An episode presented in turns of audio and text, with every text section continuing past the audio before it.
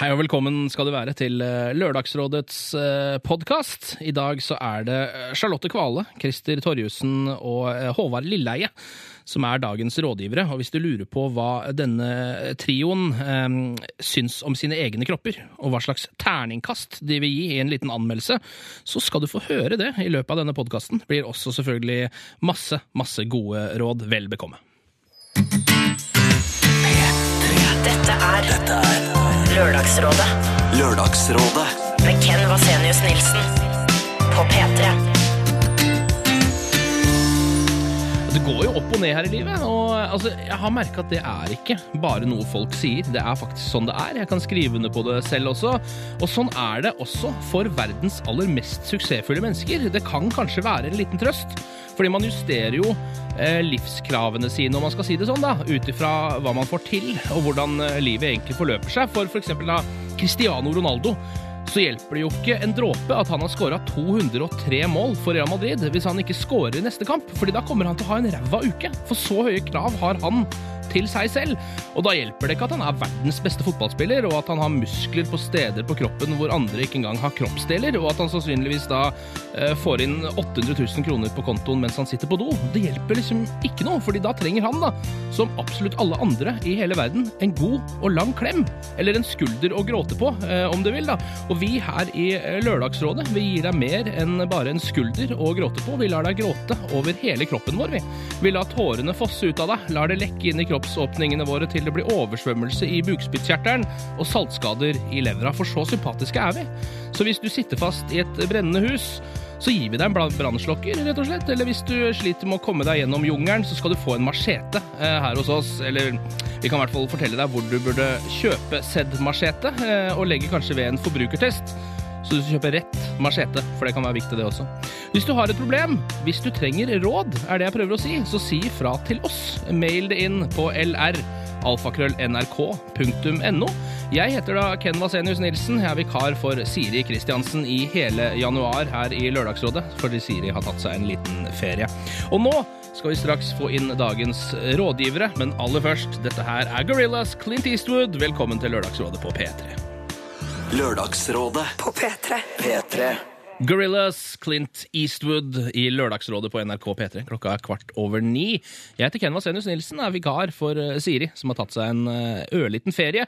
Nå har vi fått inn eh, dagens rådgiver også. Um, kan begynne med den første her. Han arbeider som komiker, men som resten av Underholdnings-Norge så er han egentlig utdanna tekstforfatter fra Westerdals reklameskolen. Ja. Christer Torjussen, velkommen skal du være. Takk.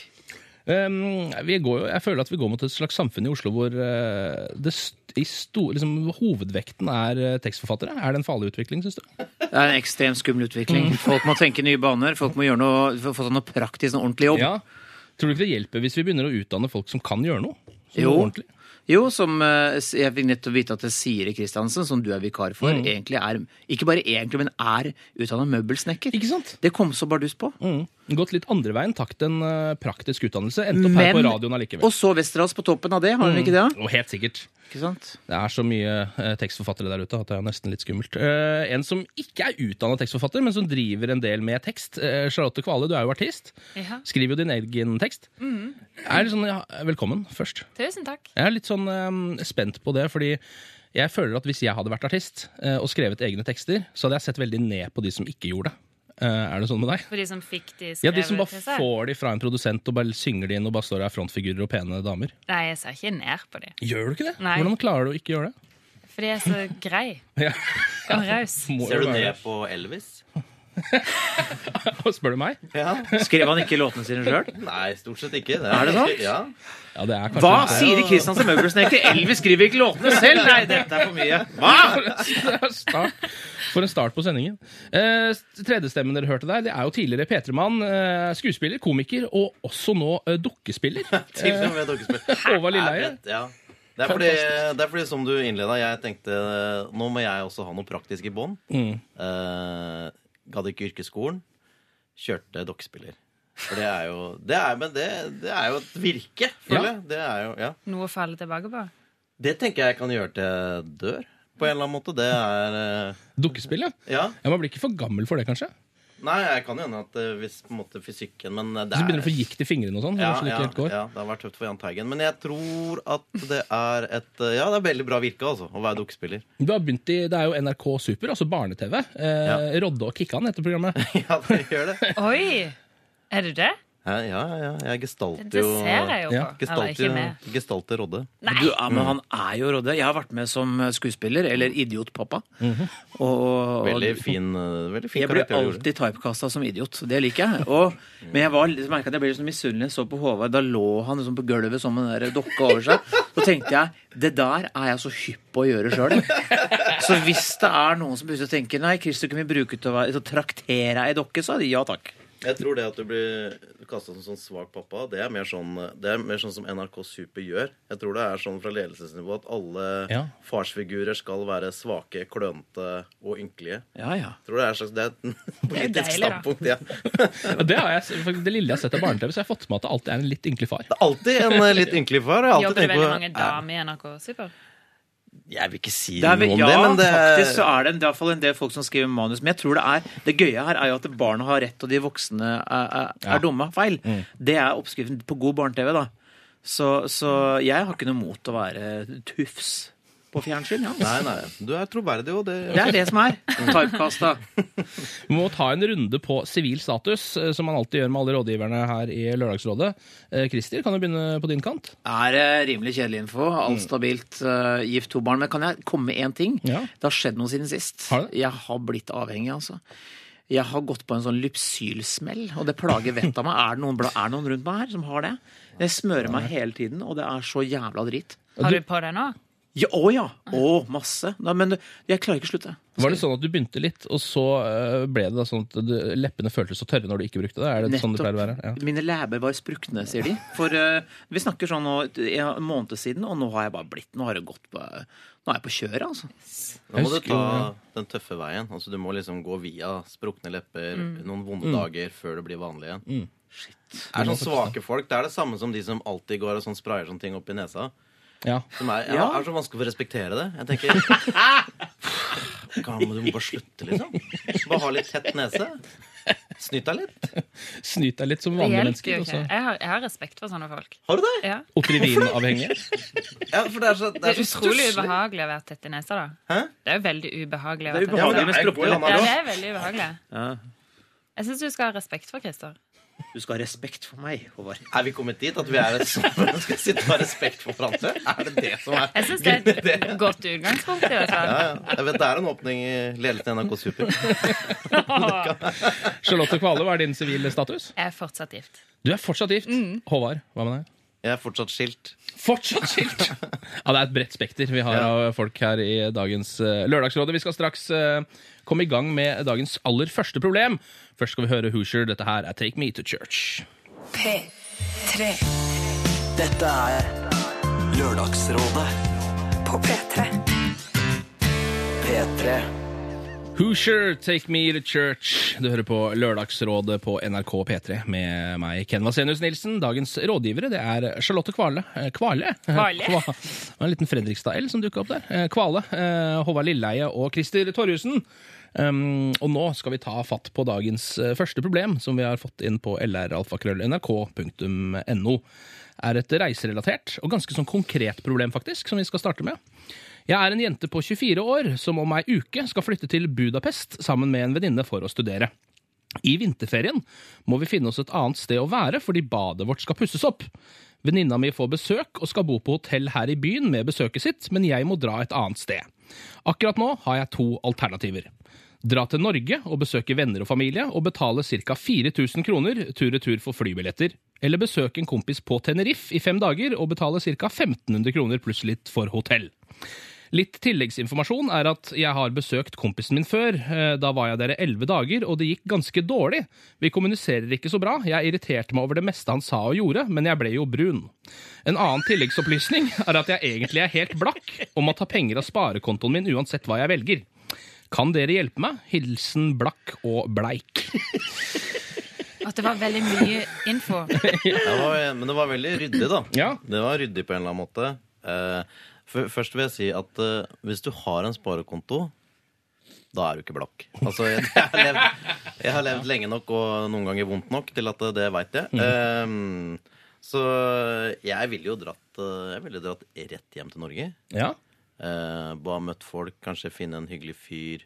eh, kose seg, liksom. ja. Enn å dra Det hadde greit hvis han på Tenerife var en sånn liksom, kompis som hun kunne være litt amorøs med, at de hadde sånn nærhet, at det kunne være liksom fint. Men hvis det er liksom en ikke så bra fyr som du kjeder deg med i, Hvor lenge var det?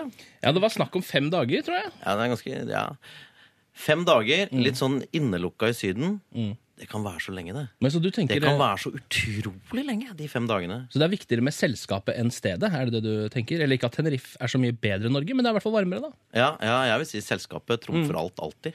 Ja, ikke sant? Beklager at jeg er veldig eh, treg i oppfattelsen nå, men jeg, jeg har jo hatt omgangssyke i ei uke. Så jeg, jeg trenger, for å kunne ta stilling til dette, så bare trenger jeg at noen oppsummerer dette her veldig kort. For det, det er bare jeg klarer ikke. Ble det for mye for deg? Det ble for mye for meg. Ja, vet du hva? Det, som er, det er en eh, jente her borte som eh, har valget mellom å ha fem dager eh, i Norge og bruke 4000 kroner på det, eller å ha fem dager på Tenerife og bruke 1500 på det. Fordi det kommer noen til leiligheten hennes Ja. i Budapest. ja, Badet. Ja, ja, Til badet, badet. badet skal pusses opp. Ja. Eh, problemet her er at eh, altså, jeg, jeg tenker at hun hadde sikkert dratt til Syden. Muligens, Hvis ikke det hadde vært fra der i Tenerife, så uh, er det en kompis hun skal bo hos som ikke liker så godt. Og der uh, oppsto problemet. Jeg ville dratt til Syden uansett. Da. Ville du det? Hvorfor det? Jeg er opptatt av å bli brun. Ja. Du kunne det hatt på bekostning av. Det hadde jeg ikke trodd. Men, men uh, Vi er litt enig i det Håvard sier. Dette er jo det defineres som et ilandsproblem. Det kan vi være det vi enige om.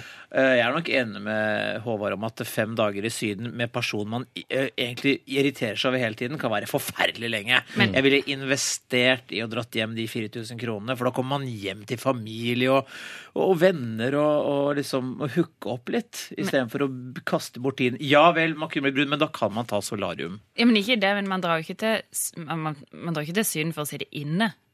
Og så ikke sitte inne med han fyren i Syden. Det virker som kanskje at hun må være veldig mye sammen med han hele tiden. Og kanskje ikke han er så opptatt av soling. Han bor jo på Tenerife. Da er man kanskje ikke opptatt av å sole seg hele tiden. Eller hvordan er det? Sant nok. Sant det ligger jo ikke i problemstillingen hennes. så den- Hun spesifiserer jo ikke hvor mange timer daglig som er påkrevd. Men, men, det, er jo, men det er jo alltid krevende å være i hus med folk du ikke liker. Ja, det er veldig kjipt. Det er krevende. Hvis vi skal gå inn på et litt sånn, trenger ikke å kalle det rent etisk, men i hvert fall litt moralsk, da. Er det liksom greit å dra eh, og besøke noen som man egentlig ikke liker engang, bare fordi de bor f.eks. på Tenerife? Det er det jo, men da må du jo også forholde deg til de. Det Problemet er at du kan ikke dra dit og si sånn OK, men da stikker jeg på byen, og så snakkes vi i morgen. Da, du, er du på besøk hos noen, så må du jo liksom tilpasse seg velkomnes eh, skikker, normer, dagligliv. Sant? Du kan ikke bare si 'fuck off, jeg skal på fylla og få klamydia'. Det kan du jo ikke. Du kan gjøre det, men da er du ikke særlig grei. Det jeg lurer på, da, det er jo han fyren på Tenerife som får en dame på besøk i fem dager. Hva forventer han egentlig? Ja, Det skal jeg si deg. Ja, gjør det. kan du ikke gjøre det? Åh, takk. Jeg tror han forventer det du antyder. At du tenker at han kanskje forventer. Ja, men hun er, jo, hun er jo veldig lite sugen på å gi han det min undertekst Ja. forventer. Ja. Hun sier også at hun har vært og besøkt han uh, før, uh, og da var det i elleve dager, og det gikk ganske dårlig. Ja. Uh, det kan man jo legge hva man vil i, for så vidt, men det høres jo ikke ut som at Det høres ikke ut som det har vært noen sånn Så det er ikke sikkert han forventer det fysisk nærhet eller noe, da. Nei. Jeg, vet- jeg mener at dette er klokkereint. Dra til Norge. Ja, da har man brukt eh, 4000 kroner på å dra hjem. Ja, men det er en investering, det, i sin egen tid. Jeg, jeg ville vært kynisk. jeg. Jeg ville dratt til Syden og, og kjørt mitt eget løp. Men det, Ja, for det er sånn vanskelig. Du kan ikke bare si ja, Du sier at det ville jeg gjort, men hvis du har en venn som bor der, Ja. så tror jeg ikke selv du Charlotte Kvale ville bare dratt ned og tenkt sånn Jeg kjører mitt eget løp. Da for da utnytter du på en måte hans At han bor der. Man er jo ikke sånn, er man Men det er jo ikke veldig fælt å utnytte at noen bor et sted. Det er jo ikke veldig stygt og slemt gjort. Man kommer bare og bor der litt. Det er jo viktig det som Håvard sa, kanskje han har litt andre forventninger. Om ikke seksuelle undertoner, kanskje. Å, så hyggelig at hun kommer, nå skal vi være sammen hele tiden. For hun er så grei. Men da kan jeg de vel eh, spise frokost sammen, og så kan hun gå ut og sole seg. jeg tror ikke det er så enkelt som det. Voldsomt, Jeg tror ikke det. Ja. ja, men pleier du, Hvis du er på besøk hos noen, du, Charlotte, Ja. er det sånn at du på en måte bruker det litt som et uh, eget inn? Breakfast and uh, bed and breakfast? Nei, men, eh, eh, nei, men jeg skulle ønske at jeg ikke brydde meg så mye alltid, kanskje. Ja, ja. Så, så jeg tenker at det ikke alltid er så veldig farlig. Jeg vet ikke. Nei? Nei, men det er der du sier der, Jeg skulle ønske jeg ikke brydde meg så mye, men det folk gjør det Ja. av ren høflighet. Så jeg gir et råd som jeg ikke klarer å følge sjøl engang. Ja. Sett deg i hans sko, liksom. At du Åh, nå kommer hun. Åh, endelig. Nå, denne gangen. Og så blir det ikke noe, og så tasser du ut i bikinien, og han sitter ved kjøkkenbordet og biter seg i underleppa. Det er jo, er jo en kynisme der. En ja. kynisme. Og se, hvis, hvis det er sånn det er, da, for det vet vi jo ikke. Det kan ikke være han har veldig lyst til å snakke sammen. Ja, Det kan være at han gleder seg til hun kommer, for da skal de spise masse middager sammen og se på film. Og kanskje ikke sole seg så mye som hunden er fysen på. Jeg Dra til Norge! Dra hjem! Ok, da jeg må Så det er samstemt. Eh, Har dere klart å bli, Yes, vi er snudde nå. inn i, nå gradvis inn i fornuft. Jeg er litt enig. Ja, ok. Vet du hva, Blakk og bleik, det var, vi ble ganske samfatta her til slutt. Eh, Du burde ikke dra til eh, Tenerife, fordi du liker egentlig ikke selskapet der. Så bry deg mer om menneskene enn stedet, og ta en liten tur hjem til Norge. Um, at det koster 4000 kroner selv om du er litt blakk og bare er litt på sparekontoen, det er noe som kommer til å gå seg til, som du pleier å si, med tid allikevel. Dette er Thomas Stenstrøm her i Lørdagsrådet. Slå meg hardt i ansiktet. Dette er Lørdagsrådet På P3. P3. TLC i Lørdagsrådet på P3. Låta heter No Scrubs. Jeg heter Ken Vasenius Nilsen, er vikar for Siri. Dagens rådgivere det er komiker Kristi Torjussen, eh, dukkespiller Håvard Lilleheie, som du har blitt nå, Det er det, ja. eh, og artist Charlotte Kvale. Har dere det fint fortsatt? Ja. En god lørdag. Veldig. Vi skal gå løs på et eh, problem her nå, eh, som er på forholdsfronten. Eh, kjære rådet. Jeg og kjæresten min har vært sammen i omtrent ett år. Dette er mitt første seriøse forhold. Det betyr at jeg ikke har så mye erfaring med forhold, og prøver å plukke opp tips fra forskjellige steder. Typisk nok ser jeg mye på film, og ser hvordan romantiske forhold er der. Heldigvis er jeg ikke eh, altfor naiv, så jeg forstår at livet mitt ikke er en film, eh, og jeg gjøre, og at jeg ikke kan gjøre og reagere slik som jeg vil, men nå vet jeg ikke helt hva jeg skal gjøre. Kjæresten min er god venn med sin ekskjæreste. De var sammen i ett år og slo opp for to år siden. Jeg har møtt henne i forskjellige sosiale situasjoner. Hadde vi vært i en film, måtte jeg vel hata henne, men det gjør jeg ikke. Her om dagen snakka kjæresten min med en venn på telefonen.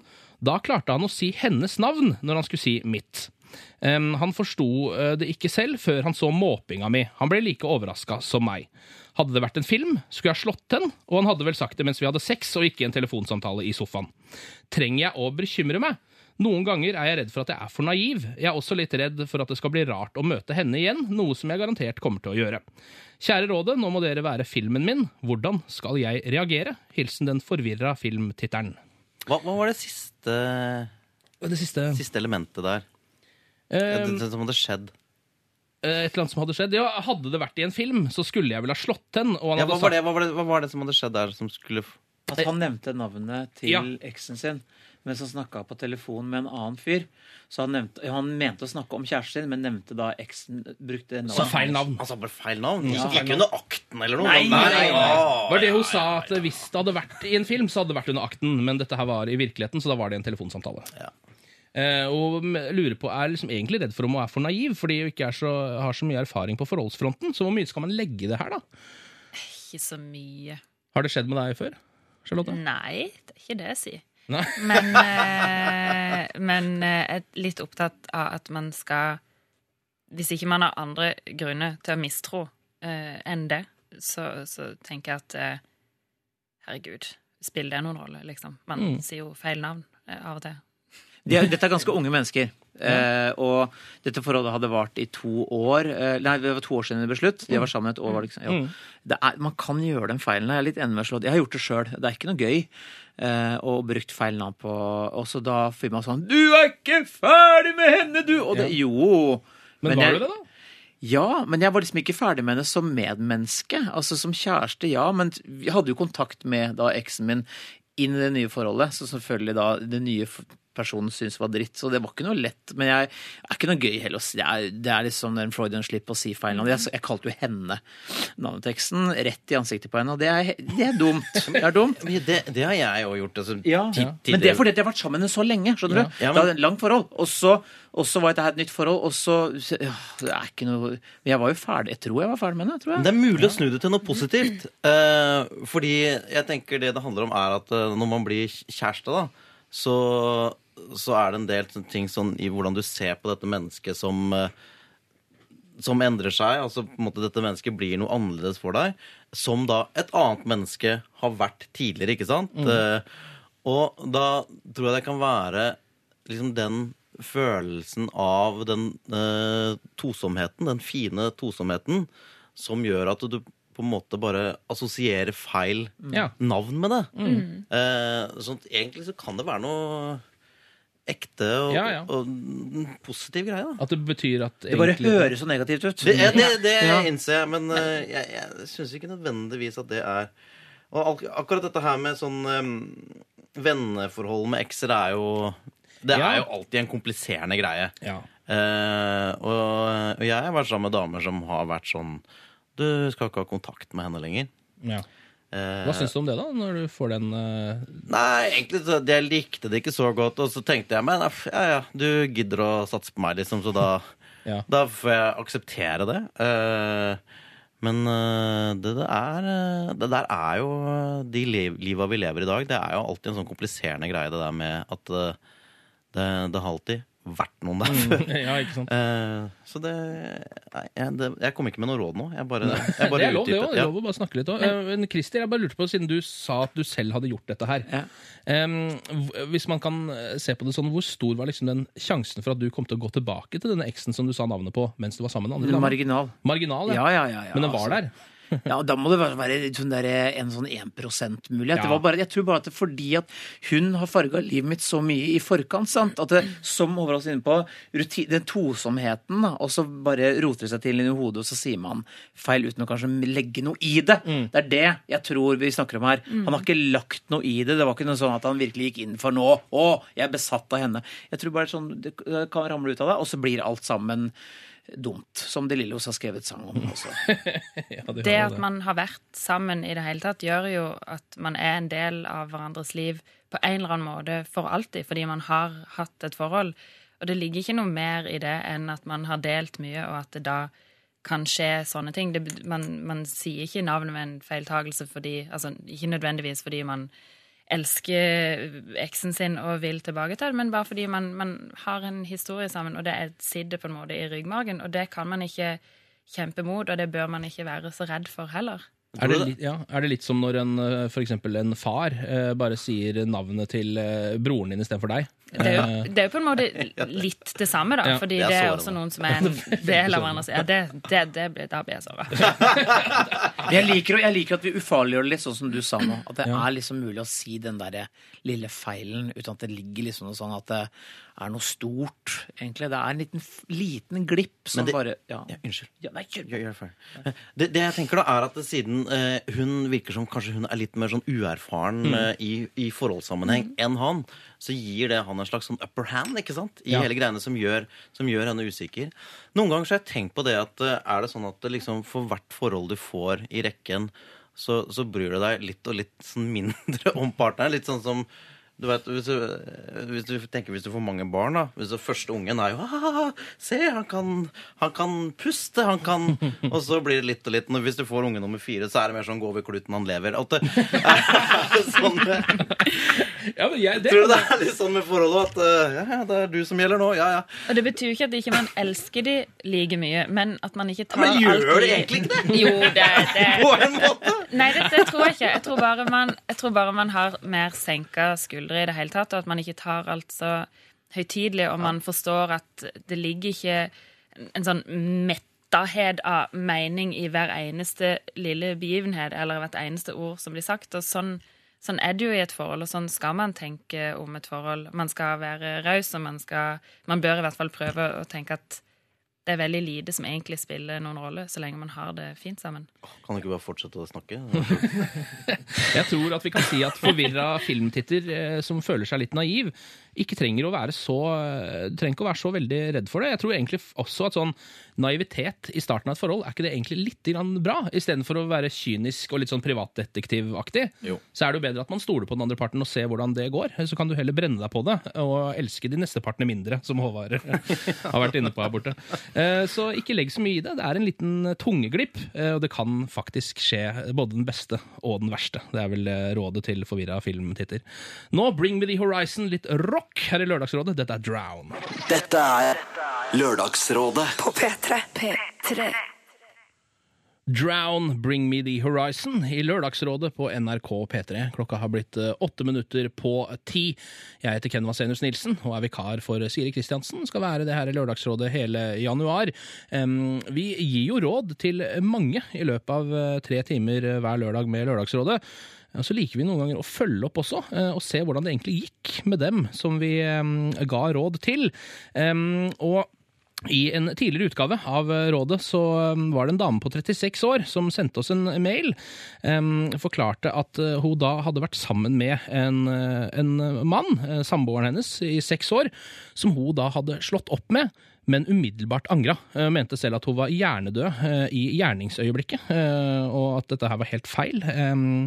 Prøvde å få han tilbake igjen, og innen de da fikk kontakt, så hadde den andre mannen vært ute og møtt andre jenter. Og det endte da til slutt opp med at han på en måte var sammen med både sin gamle samboer og en annen dame. Altså både denne 36-åringen og en annen dame. Og hun lurte da på, denne 36-åringen, hva skulle gjøre, om hun fortsatt skulle satse på denne mannen eh, eller ikke. Og det var Synnøve Skarbø, Solveig Kloppen og Rune Gokstad som satt her i panelet den gangen, og sjelden har rådgiverne vært så eh, tydelige eh, og samstemte i sine råd.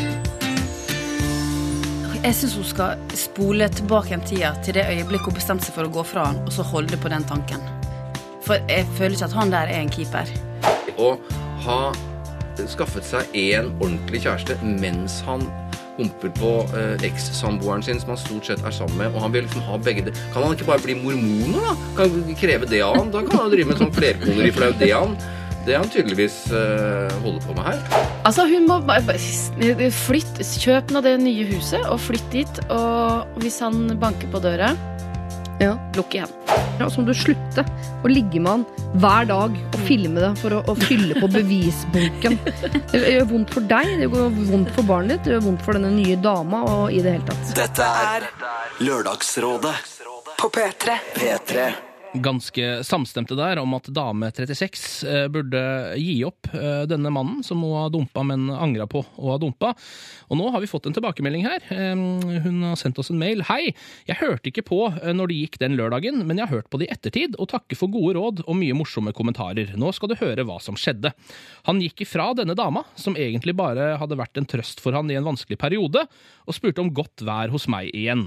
Så for å gjøre en lang historie kort, vi bor sammen, og vi skal flytte til et nytt sted nå. Vi er glade og lykkelige, og ikke minst vår lille sønn som får være sammen med pappaen sin hver dag. Eh, god jul, står det her, for dette her var ved juletider, da. Og takk igjen for at dere tok opp mitt problem i eh, rådet. Hilsen Hanne. Eh, så gjorde altså da det helt eh, motsatte av hva eh, Lørdagsrådet eh, råda til. Og det gikk jo faktisk helt strålende. Så noen ganger så vet man faktisk aller best selv. Noen ganger så må man bare gjøre det man føler for. Her er Nicki Minaj sammen med Skylar Grey. Du får Bed of Lies på P3. Dette er Lørdagsrådet På P3. P3 Carpe Diem Piano i Lørdagsrådet på P3. I dag med Ken Vasenius Nilsen, som er programleder. Det er da meg. Så er vi også med Charlotte Kvale. Eh, Hallo, Charlotte. Hei, hei. Og Håvard Lilleheie er her. Kristi Christer Torjussen det samme. Nå skal vi straks i gang med et eh, problem som har mange aspekter, men er litt relatert til eh, fenomenet pulevenn. Eh, Jeg- jeg får si én ting før du begynner? Ja. At jeg føler at eh, jeg, jeg tror det er noe At når du sitter der, Mm. eh, så forholder omverdenen seg annerledes til dette eh, programmet. Ja. For når du sier ja-programmet, så er det alltid sånn vanskelige, dype, sånn personlige krise. Nå er det liksom mer sånn gøye problemer. Så, ja, ja, det Er det tilfeldig? Skal jeg dra til Syden, eller skal jeg Ligge med, ikke ligge med? Ja, Ja, kanskje det er nok eh, Du har nok et slags poeng der. Det er nok kanskje noe av den eh, kvinnelige varme siden som har vært litt borte med meg, men den håper jeg at Charlotte skal dra litt inn igjen. Ja, jeg, altså, vi må få noe jeg ordentlig. klarer Vi det, må, jeg, vil ha, jeg vil ha i hvert fall en ordentlig livskrise her. Det altså noe som kommer noe dypt- ganske dypt, Ja, det er altså. Det føles i er hvert fall veldig som om det er mye menn her, og det er jo fordi det er det nå. Ja. Ja, det er jo en del menn her nå. Man, mannete stemning. Ja, liker du ikke det? Jo, Det er jo, 20, visst, det er jo 25 klart. eh, kvinner i At jeg er 25% kvinne? Nei, nei, men av altså hvis, hvis du gjør Se som et kakestykke, Charlotte. Ja, ja. Se som et kakestykke. Du er en stor, stor bit. Det er klart, hvis det, Tusen takk. ja, jeg kunne sagt at det var 120% kvinne, at det dermed er mer enn 20 Men eh, jeg regner deg som 100 kvinne, og da er du 25% av gruppa. OK, takk. Er det noen som har noen erfaringer med dette her eh, når det kommer til eh, pulevennforhold? Er det hva jeg lurer på? Det kan ikke jeg skryte på meg. Nei, du kan ikke det, nei? Jeg kan skryte litt, men ikke mye. ass. Ja. Skryt litt. Jeg må tenke, jeg må tenke Må tenke. Ja, kanskje. Kanskje jeg har en slags erfaring med det, faktisk. Ja. Hvordan erfaring er det du har, Håvard? Hvordan erfaring er det du har? Er det siden du var så usikker? Nei, Man må liksom gå gjennom sånne relasjoner og sånn. Ja. Jeg, jeg har kanskje hatt i livet relasjoner som, som på en måte handler eh, mye om Puling. Ligging. om sex, og ikke så mye om, om at det skal være et forhold. Var det noe ålreit, eller? Hæ? Var det noe ålreit? Ja, men det er jo Det blir jo Det der er jo Hvis det varer, ikke sant, Ja. så klarer du ikke å da, Da finner du ikke noe annet. Hæ? Da finner man ikke noe annet, iallfall. Da begynner du å elske. Nei, nei, å nei, ikke nødvendigvis. Det, jeg skulle ønske at, at det var lettere for meg. Nei, nei, men det er jo mer at det da Det blir mer personlig etter hvert uvegelig, da. Mm. At, det, at man plutselig så forteller hun deg ting, og så forholder du deg til det, og så Så er det plutselig en person du også kjenner. Men det, det å ligge sammen det er jo en veldig intim, det er jo en veldig intim greie på alle måter. Ja. Det blir jo veldig personlig å ligge med noen. Uh, pulevenn, det er jo ikke egentlig helt riktig.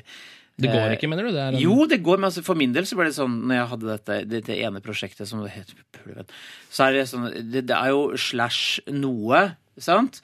Det, jeg, det, er sånn åpent forhold, no strings attached. Jeg var hele tiden sånn redd for at hun holdt på med noe andre samtidig. Skjønner du? At nå får jeg sikkert alt av kjønnssykdom. Jeg dømte henne jo nord og ned. Ja. men det var jo liksom at vi, det var helt åpent, da. Men det pågikk heldigvis ikke lenge. Men jeg var sånn Er jeg den eneste hun kanskje har seg med ja, Jeg var veldig bekymra for det. Jeg var der! Du var kjerringa, rett og slett. Jeg var kjerringa, det var jeg. Og det har jeg tilstått før på radio. At Ja. det kan jeg være. Men hun hadde jo ikke sånt, tenkte ikke over det i det hele tatt. For jeg liksom la fram problemstillingen sånn Hvis jeg Hun var jo sånn, Ja. Nå kimsa jeg på radio. Ja. Trakk litt på skuldrene. Men jeg, for meg var det litt sånn Jeg tenkte jeg vil ikke dele heller. Nei. Hvordan endte det, da? Endte det med masse såra følelser? Nei, eller det, skal, nei, det gikk helt eh, over. Det, det sklei Ja. ut av seg sjæl. Det gjorde det, ja. Da. Vi Det skal- gjør som regel det. skal ta et problem nå som har eh, dette her som en liten del av det, men det er også ganske mye annet eh, komplisert som skal dukke opp. Um, først skal vi høre på Astrid og hennes 2 AM. Klokka har blitt åtte minutter over ti. Du hører på Lørdagsrådet her på NRK P3. P3 Dette er Lørdagsrådet på P3. P3 Astrid Tue hjem i eh, Lørdagsrådet med Charlotte Kvale, Håvard Lilleheie og Kristi Torjussen og meg, Ken Vasenius Nilsen, eh, i dag. Og nå, Håvard, skal vi faktisk, selv om jeg eh, erta litt med pulevenn-tema, så er dette her et ganske dypt og alvorlig problem, så jeg tror ja, du kommer til å bli fornøyd.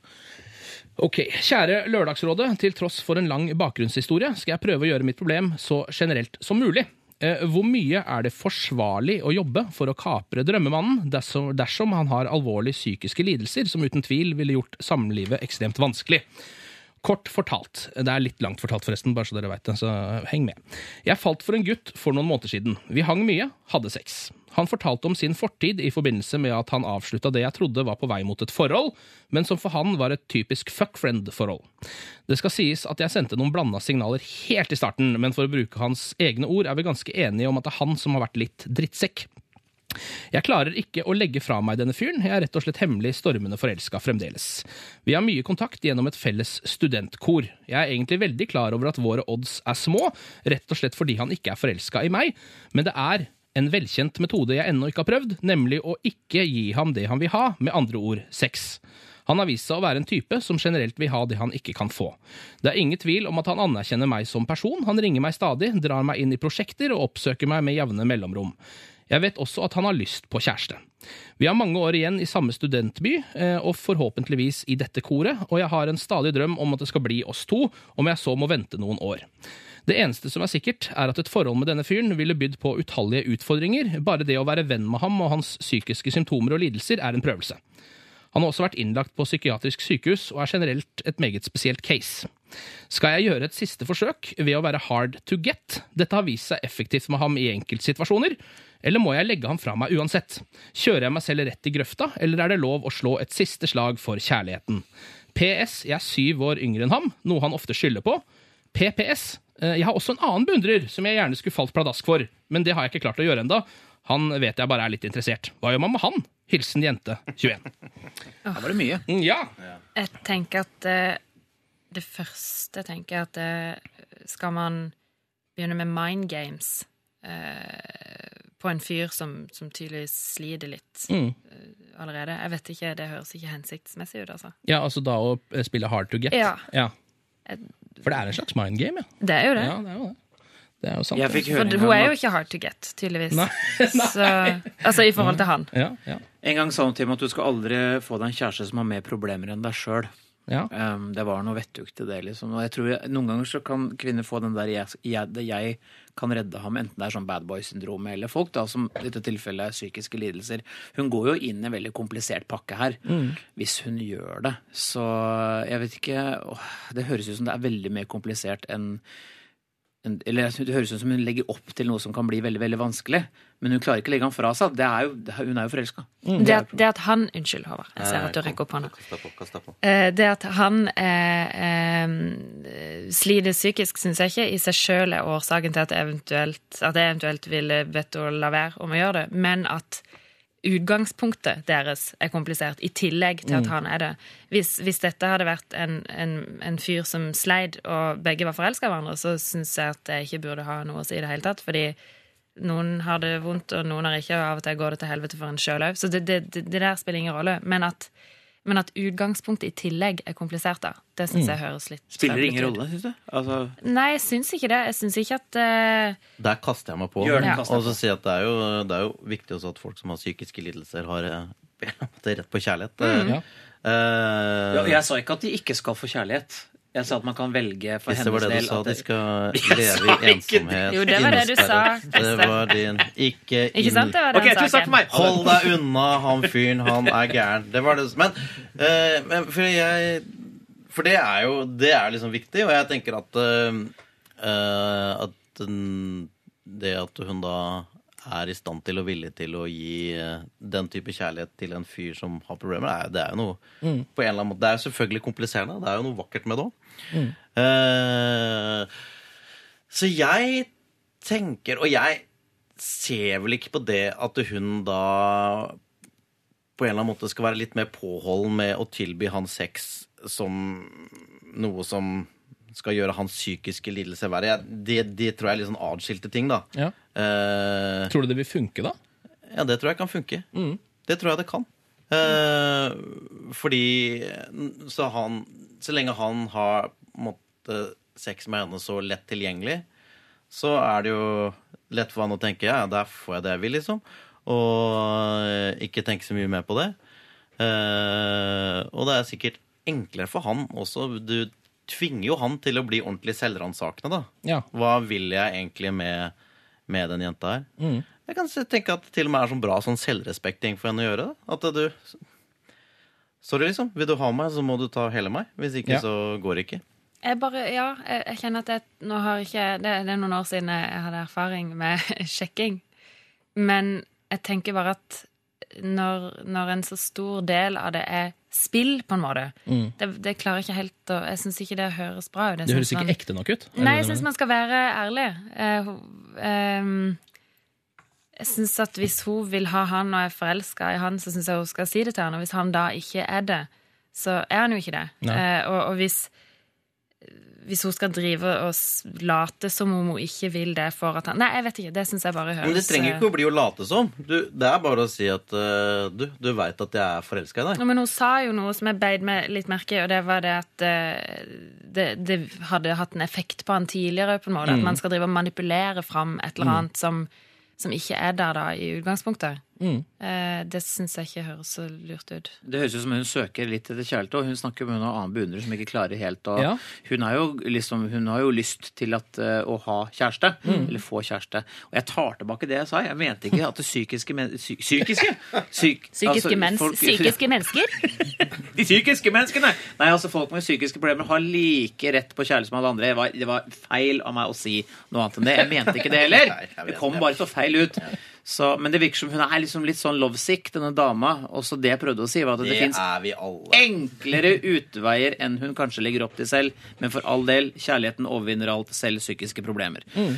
Men det er jo starten av eh, 20-åra. Da er ikke det litt sånn eh, tida for å eksperimentere litt rundt, og ikke på en måte være en slags sånn krykke for en fyr som egentlig ikke er forelska i deg engang? Det var poenget mitt, Ken. Der Mm. sa du det i én det, det er setning. jeg enig i. Mm. Det er jeg enig i. Fordi det, det handler ikke om det, Jo, bla, bla, bla, bla, bla. Det er det. Ja, men det kan jo Ja, men det kan jo også Det kan jo også hende at uh, her er det to mennesker. Hun er 21, han er 28. Uh, de ligger med hverandre. Hun, hun er kjempeforelska i han. Han er litt mer sånn avmålt, har sine ting å slite med. Og da kan det jo hende at hvis hun sier Og det trenger ikke være noe spill. Hun sier du, sorry, kompis. Eh, jeg liker deg så godt at jeg kan ikke gjøre mot meg sjæl lenger og drive og ligge med deg uten at det er noe mer. Eh, så hvis du vil ha meg, så må du ta hele meg. Finn ut av det. Mm. Hva du føler. Mm. det, Være ærlig, ja. ja, det, og det, det er jo ingenting i det hun skriver som strider mot at hun kan eh, sette fram det pre premisset helt tydelig. Mm. Og det gir han en mulighet til å være selvransakende og kanskje tenke hun er jo egentlig en fantastisk jente, og hun er villig til å være sammen med meg. Ja. På tross av uh, all den bagasjen jeg har. Ja. Vet du hva, Kanskje dette er liksom mennesket som uh, jeg liker godt. Og forelskelse, det kan vokse på deg òg, vet du. Ja, det er sant, det. Mm. Er ikke det egentlig en ganske god uh, rådskonklusjon, Jo, syns jeg? synes jeg. Eh, fordi det er jo um, Da vil man på en måte Det jente eh, 21 får ut av dette her, er jo eh, Eller må jo på en måte følge sitt spor med å spille hard to get, men være åpen på det. Mm. Og være ekte med det, og legge det fram, og fortelle at du er uh, forelska. og hvis han ikke eh, vil ha deg etter det, og fortsatt eh, ikke er forelska i deg, så må du kanskje bare gi opp, altså. Mm. Kan du eventuelt gå til han andre beundreren der, se hva han har på gang. Ikke gjør det. Ikke gjør det! ikke gjør det. Eh, Så det er rådet til eh, jente 21. Eh, Vær åpen på det og si fra om følelsene dine, men da kan du godt prøve å spille litt hard to get også, med åpne kort. Her er Jonas Alaska, du får I'm Sorry. Dette er Lørdagsrådet på P3. P3. Jonas Alaska, I'm eh, sorry. Du hører på Lørdagsrådet på NRK P3. Noen ganger så um, liker vi også å prøve å løse litt sånn problemer som er ute i samfunnet, og som ikke bare er sånn privatrelatert. Og det eh, skal vi prøve på nå. Um, fordi det, har, altså det er et tema som engasjerer ganske mange, og nettopp en sak nå på VG-nett hvor det er en trendforsker som er bekymra eh, over følgende. Når stadig flere nordmenn klumper seg sammen i byene, må vi også regne med å, å stå tettere sammen i rushtiden. Intimsonen vil krympe, mener trendforsker eh, Gunn Helen Øie. da. Redd for at vi nordmenn ikke skal være gode eh, på det her, ettersom vi er et folkeslag som ikke er så glad i intimitet, og som egentlig irriterer oss ganske mye. Eh, og det har jo vært en sånn undersøkelse nå, eh, hvor, som et busselskap, Ruter, som gjennomførte det, hvor da 82% mener det er meget eller noe irriterende at folk snakker høyt i mobil på buss. 77% mener det samme om å spille høy musikk, mens 69 eh, opplever det som meget irriterende å ikke slippe andre inn før man går eh, av selv.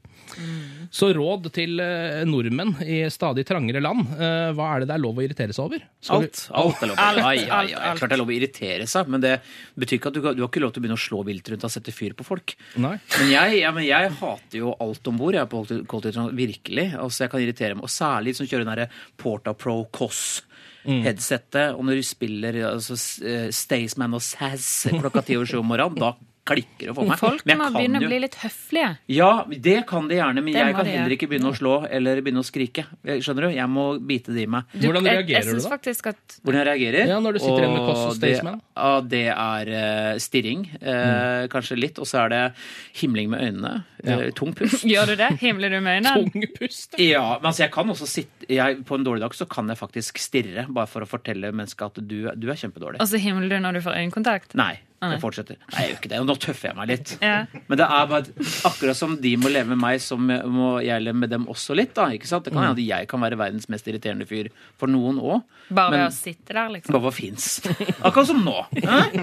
Nei, men det er, det er trangt på øh, Og det er jo sånn som du hører som folk som klager på Ja, disse innvandrerne, altså, de snakker altså så høyt. Altså, hva er det? Og så De roper i mobilen. Altså, ja, men sånn er det å bo i en by, tenker jeg. Ja.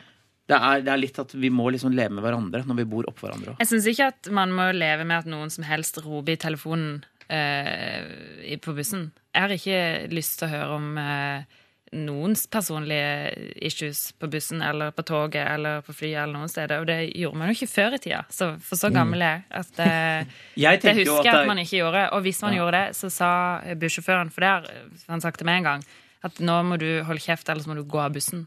Det Ja. sa han på bussen fra Mandal til? Kristiansand. Hva- Svarer du i telefonen, da? Eller hva Ja, gjorde du? snakka i telefonen masse. Og da hang det et skilt foran meg hvor det sto eh, 'vennligst ikke eh, snakk høyt i telefonen'. Eller eller. Og, og det dreit deg. Det ble påtalt. Ja, det gjorde det. Ja. Uh, og det er faktisk ikke så lenge siden heller, for jeg er ikke så jævlig gammel. Men nå er. irriterer du deg voldsomt over det plutselig, selv om du gjorde det selv nettopp. Ja, det, det er ikke nettopp. Kanskje, kanskje, kanskje ti år siden. Da var du- da var du en annen person. Jeg var en annen person. Men poenget mitt er bare det at man, man burde være litt mer høflig. Man burde drite i å gå av trikken og T-banen før folk har eh, Nei, gå på før folk har Men det er jo vanlig høflighet, og det bør folk lære seg. Det Ja, er jo ting. men det er jo det det handler om. Det handler ikke om hva, kan, hva er det lov å irritere seg over. Det handler om hvor mye bør folk skjerpe seg. Det er det det handler om. Håvard, hvordan er du eh, når du er på bussen? Sitter du og irriterer deg mye? Nei, ikke så ofte. Jeg tenker Nei. at uh, kollektivt går stort sett greit for meg. Altså. Uh, både, både, tog og, både tog og buss. Uh, så jeg, jeg, jeg, jeg, har selvfølgelig den der eh, sedvanlige rulletrappirritasjonen. Og, og ellers så syns jeg på en eller annen måte ting stort sett glir. Det er jo mye sånn forsinkelser sånn som er irriterende. Det er det som irriterer meg. Ja. At myndighetene ikke klarer å sette opp et system som er clockwork alltid. Eh, men det er jo Kan jeg si en ting til som irriterer meg? Jeg må bare si det. Unnskyld. Jeg har akkurat begynt! Ja, men jeg må si det. Det irriterer meg når man uh, setter seg på når, når noen sitter på eksempel det innerste setet på T-banen, Mm. og så kommer det en til og setter seg på det ytterste, og så er det et sete i midten der. Ja. Kan man ikke bare, Det er ingen som har lyst til å gå og sette seg i det setet der, men man må jo når ikke det er plass. Kanskje, kan ikke nummer to bare sette den jævla ræva si der? Sånn at når jeg kommer, så kan jeg sette meg på dytta, sånn at ikke jeg må være sånn rar person Jeg- jeg- jeg- som går og setter meg men jeg er ikke helt enig, at uh, idet det det, du har en treseter, ikke sant? Ja. Eh, og så- Nå tegner Håvard. Ja, og så, og så sitter det da en rumpe eh, og et menneske på det ene setet. Og, eh, og uansett, gitt at det er kanskje et menneske du ikke syns er attraktivt, så er det jo hyggelig å da og da sette seg med en imellom, og da kanskje håpe på at den personen som kommer eh, i midten, er da et mer attraktivt individ som er hyggelig å sitte ved siden av. Det blir jo et slags sånn lotteri, et slags spill. Men så er det også sånn at eh, hvis det f.eks. er en tresetter, og det sitter f.eks. en kjempefin dame der, og det er et sete til ledig, og jeg da setter meg ved siden av henne, da føler Ja. jeg Da tenker jeg det kan jeg ikke gjøre. Da tenker hun nå kommer han grisen. Hvorfor satte han seg ikke på Ja, det andre setet? Hvorfor, hvorfor skal han ha nærhet med meg her nede på sidelårerumpa istedenfor å la det være luft mellom oss? Men Så det er jeg- jo ikke det damer Det handler litt om din manglende robusthet òg. For det er litt sånn at eh, når du, da, når du da kommer inn på det toget, og det sitter en person innerst og en person ytterst, så er det bare Er det ledig her? Og alle vil jo si ja. Da setter jeg meg. Ja, men jeg gjør jo det. Sikkert Ja. ikke jeg gjør det. Det bare irriterer meg. Ja, men du må børste ting litt Det har ikke noe å si. Og, og det, jeg, det er jo Hun snakker jo om den der nyurbaniseringen. Ja. ikke sant? Og det handler jo om at ting er litt sånn ferskt òg Mm. for eh, befolkningen.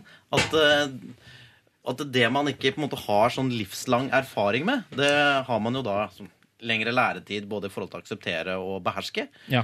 Og vi Men- nordmenn er ikke så gode på storbyer ennå, kanskje? Nei, men vet du hva? Jeg, jeg, jeg har en lite, lite forslag til hva vi kan gjøre. Jeg pendler jo sant, med tog. Og jeg tenker jo når NSB slash Jernbaneverket setter opp enkelt togsett klokka fire på en fredag ettermiddag Østfold-Vestfoldbanen, ja, men hva faen? Altså, det, Folk det reiser hjem. Vi står som sild i tønne. Sett opp et ekstra togsett når det er mye folk. Og her er et fakta. NSB aner ikke hvor mye folk det er om bord på togene. Uh, Ruter vet det, for det er digitalt, det telles digitalt, hvor mye Ja. mennesker som er på hele tiden. Så de kan på en måte vite litt om logistikken. da. NSB har ikke peiling. De står med sånn klikk, klikk, klikk, klikk. klikk. Ja. De gjør det. Og to ganger i året så har de en måling, så de antar at det går på så og så mange folk. Sett opp noen jævla ekstra vogner nå, Hør så slipper folket. vi Ja, så slipper vi irritere oss, for har vi mer plass, og slipper å være sexistisk gris som vil ha lårkontakt uten å ville mene det. Som Håvard, for eksempel. Det, vi kan begynne der, med å øke kapasiteten, så blir folk greiere. Takk for meg. Ja, vet det syns jeg var bra. Altså. Har du noe mer du vil si, Charlotte? Du er engasjert i det? Ja, En ting til som irriterer meg, det er at eh, på, på bussen fra, fra Mandal eh, til Kristiansand, den tar jeg faktisk ganske ofte, for ofte så jobber jeg i Kristiansand, og da bor jeg hjemme hos foreldrene mine i Mandal, selv om jeg bor i Oslo nå. Eh, og der pleier folk, når de setter seg på bussen og det, det, Dette er en kritikk til folk på Sørlandet, eller sikkert i småbyer. Der pleier de å ta alt, alt, de, alt de har av bagasje, Ja. og sette i CD ved siden av seg. Ja. Fordi de skal ha det for seg sjøl. ja. Hva faen er det for en ting å gjøre? Det er jo helt sykt. sykt er! Er Ja, det? det er jo det. Igjen, da. Der har jeg ofte litt sånn glede av å gå til de som Du er min nemesis. Ja, men gå med de som har bagasje ved siden av. Der ledig her, ikke sant? Og så må de alltid si Ja, ja, ja, ja. Så ser de på deg med det litt anklagende blikket. Det er masse andre ledige plasser her også. Ja. Ja, men jeg gjør ikke det før jeg Men må. folk kan også være litt mer sheriff, som Slåtte Charlotte sier. Hvis når jeg går av en togvogn eller eh, trikk eller T-bane, og det kommer folk rett imot meg, da gjør jeg meg ekstra brei og sier 'vent' Ja, jeg med liker. Til jeg har gått av. Ja, ja men jeg gjør det. Da, Pakker du dem litt sånn går du på med nei, jeg gjør ikke det, men jeg, sånn gjør, jeg bare breier meg ut og bare sånn setter bare, Nå venter du til jeg har gått av. Ferdig.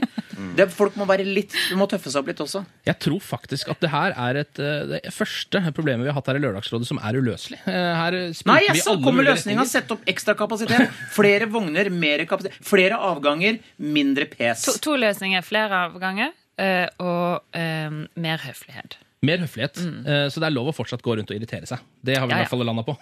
det er det ikke noe tvil om. ok, her i Lørdagsrådet med Charlotte Kvale, med Kristi Torjussen og med Håvard Lilleheie og meg selv, Ken Vasenius Nilsen, skal vi høre Kygo. Dette her er sammen med Så Konrad. Låta heter Firestone her på NRK P3. Dette er Lørdagsrådet På P3. P3. Ray Morris, Under The Shadows i Lørdagsrådet på NRK P3.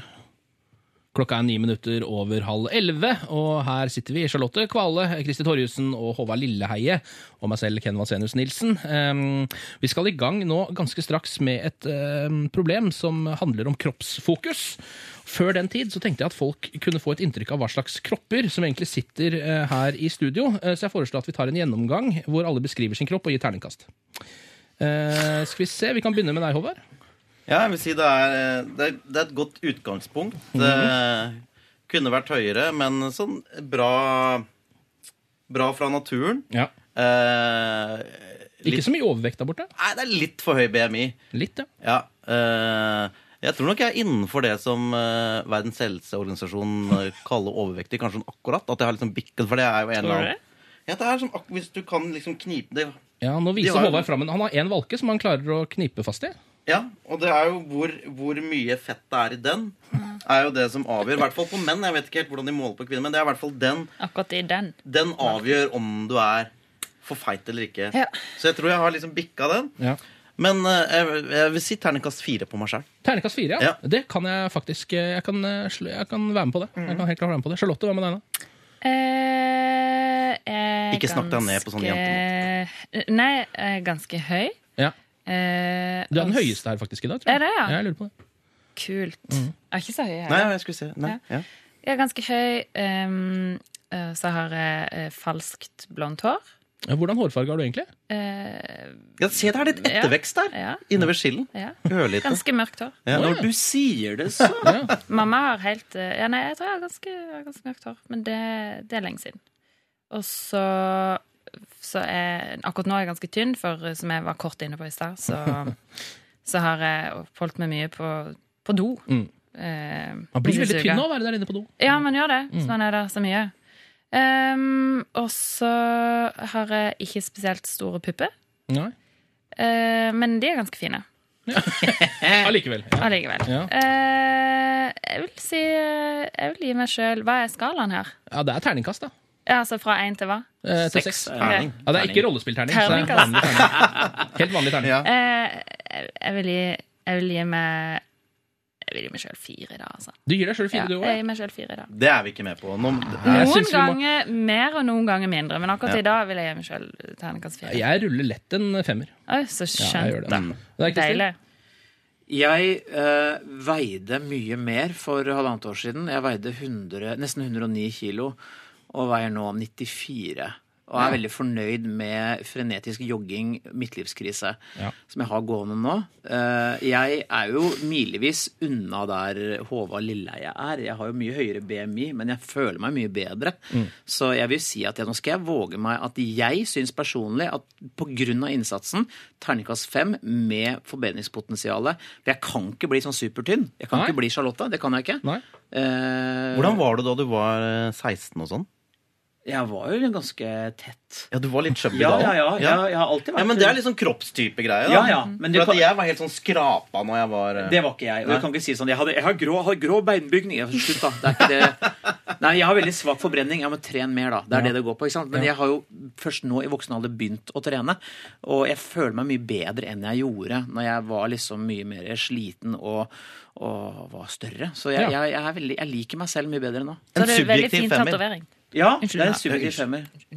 Hva skulle du si? At du har en fin tatovering i tillegg. Ja, og det Jeg pynter meg også. Ja. Jeg har også da begynt som, eh, for, å, for å føle meg bedre, så også begynt å pynte armene. Så jeg vil Var si det at noe du gjorde etter at du hadde gått ned i vekt? At du tenkte at nå må denne kroppen faktisk pyntes litt? Nå har den blitt såpass fin?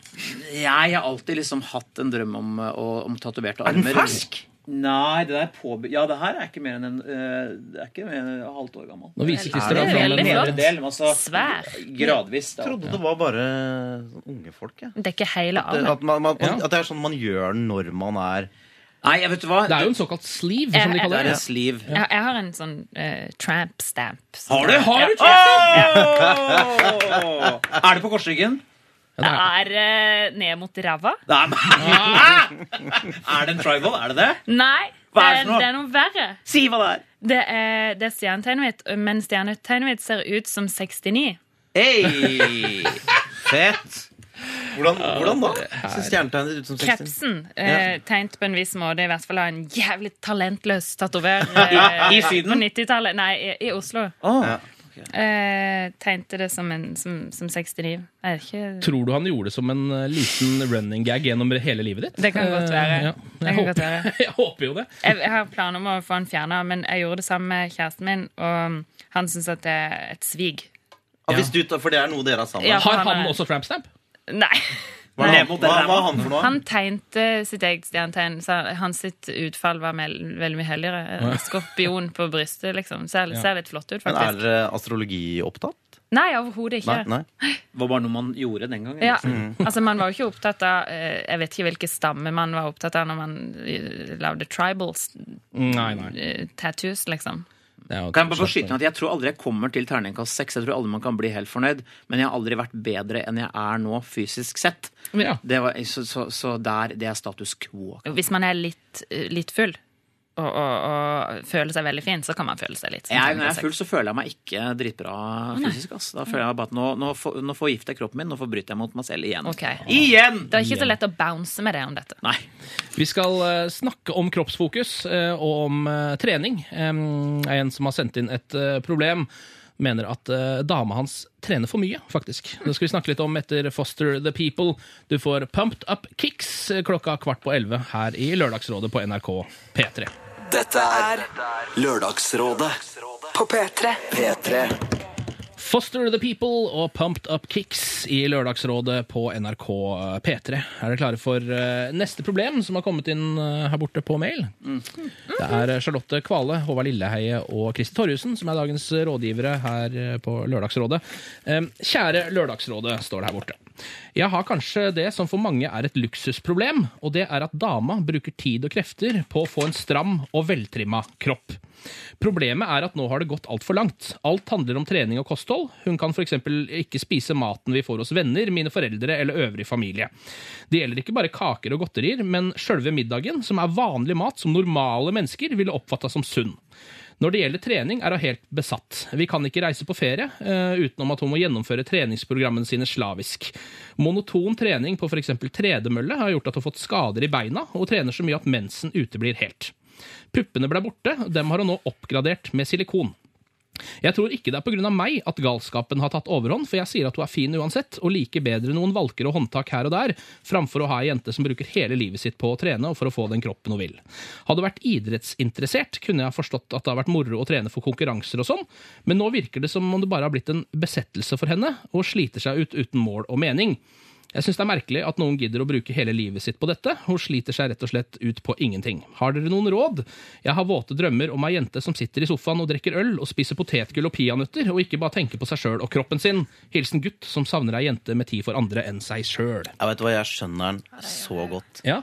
Dette, dette her er en felle som en god del folk uh, går i. I den derre sjuke fysisk selvopptatthetsfella. Eh, og som det virker som om hun er veldig sånn dypt inni. Mm. Og jeg skjønner at dette her er et alvorlig problem for forholdet.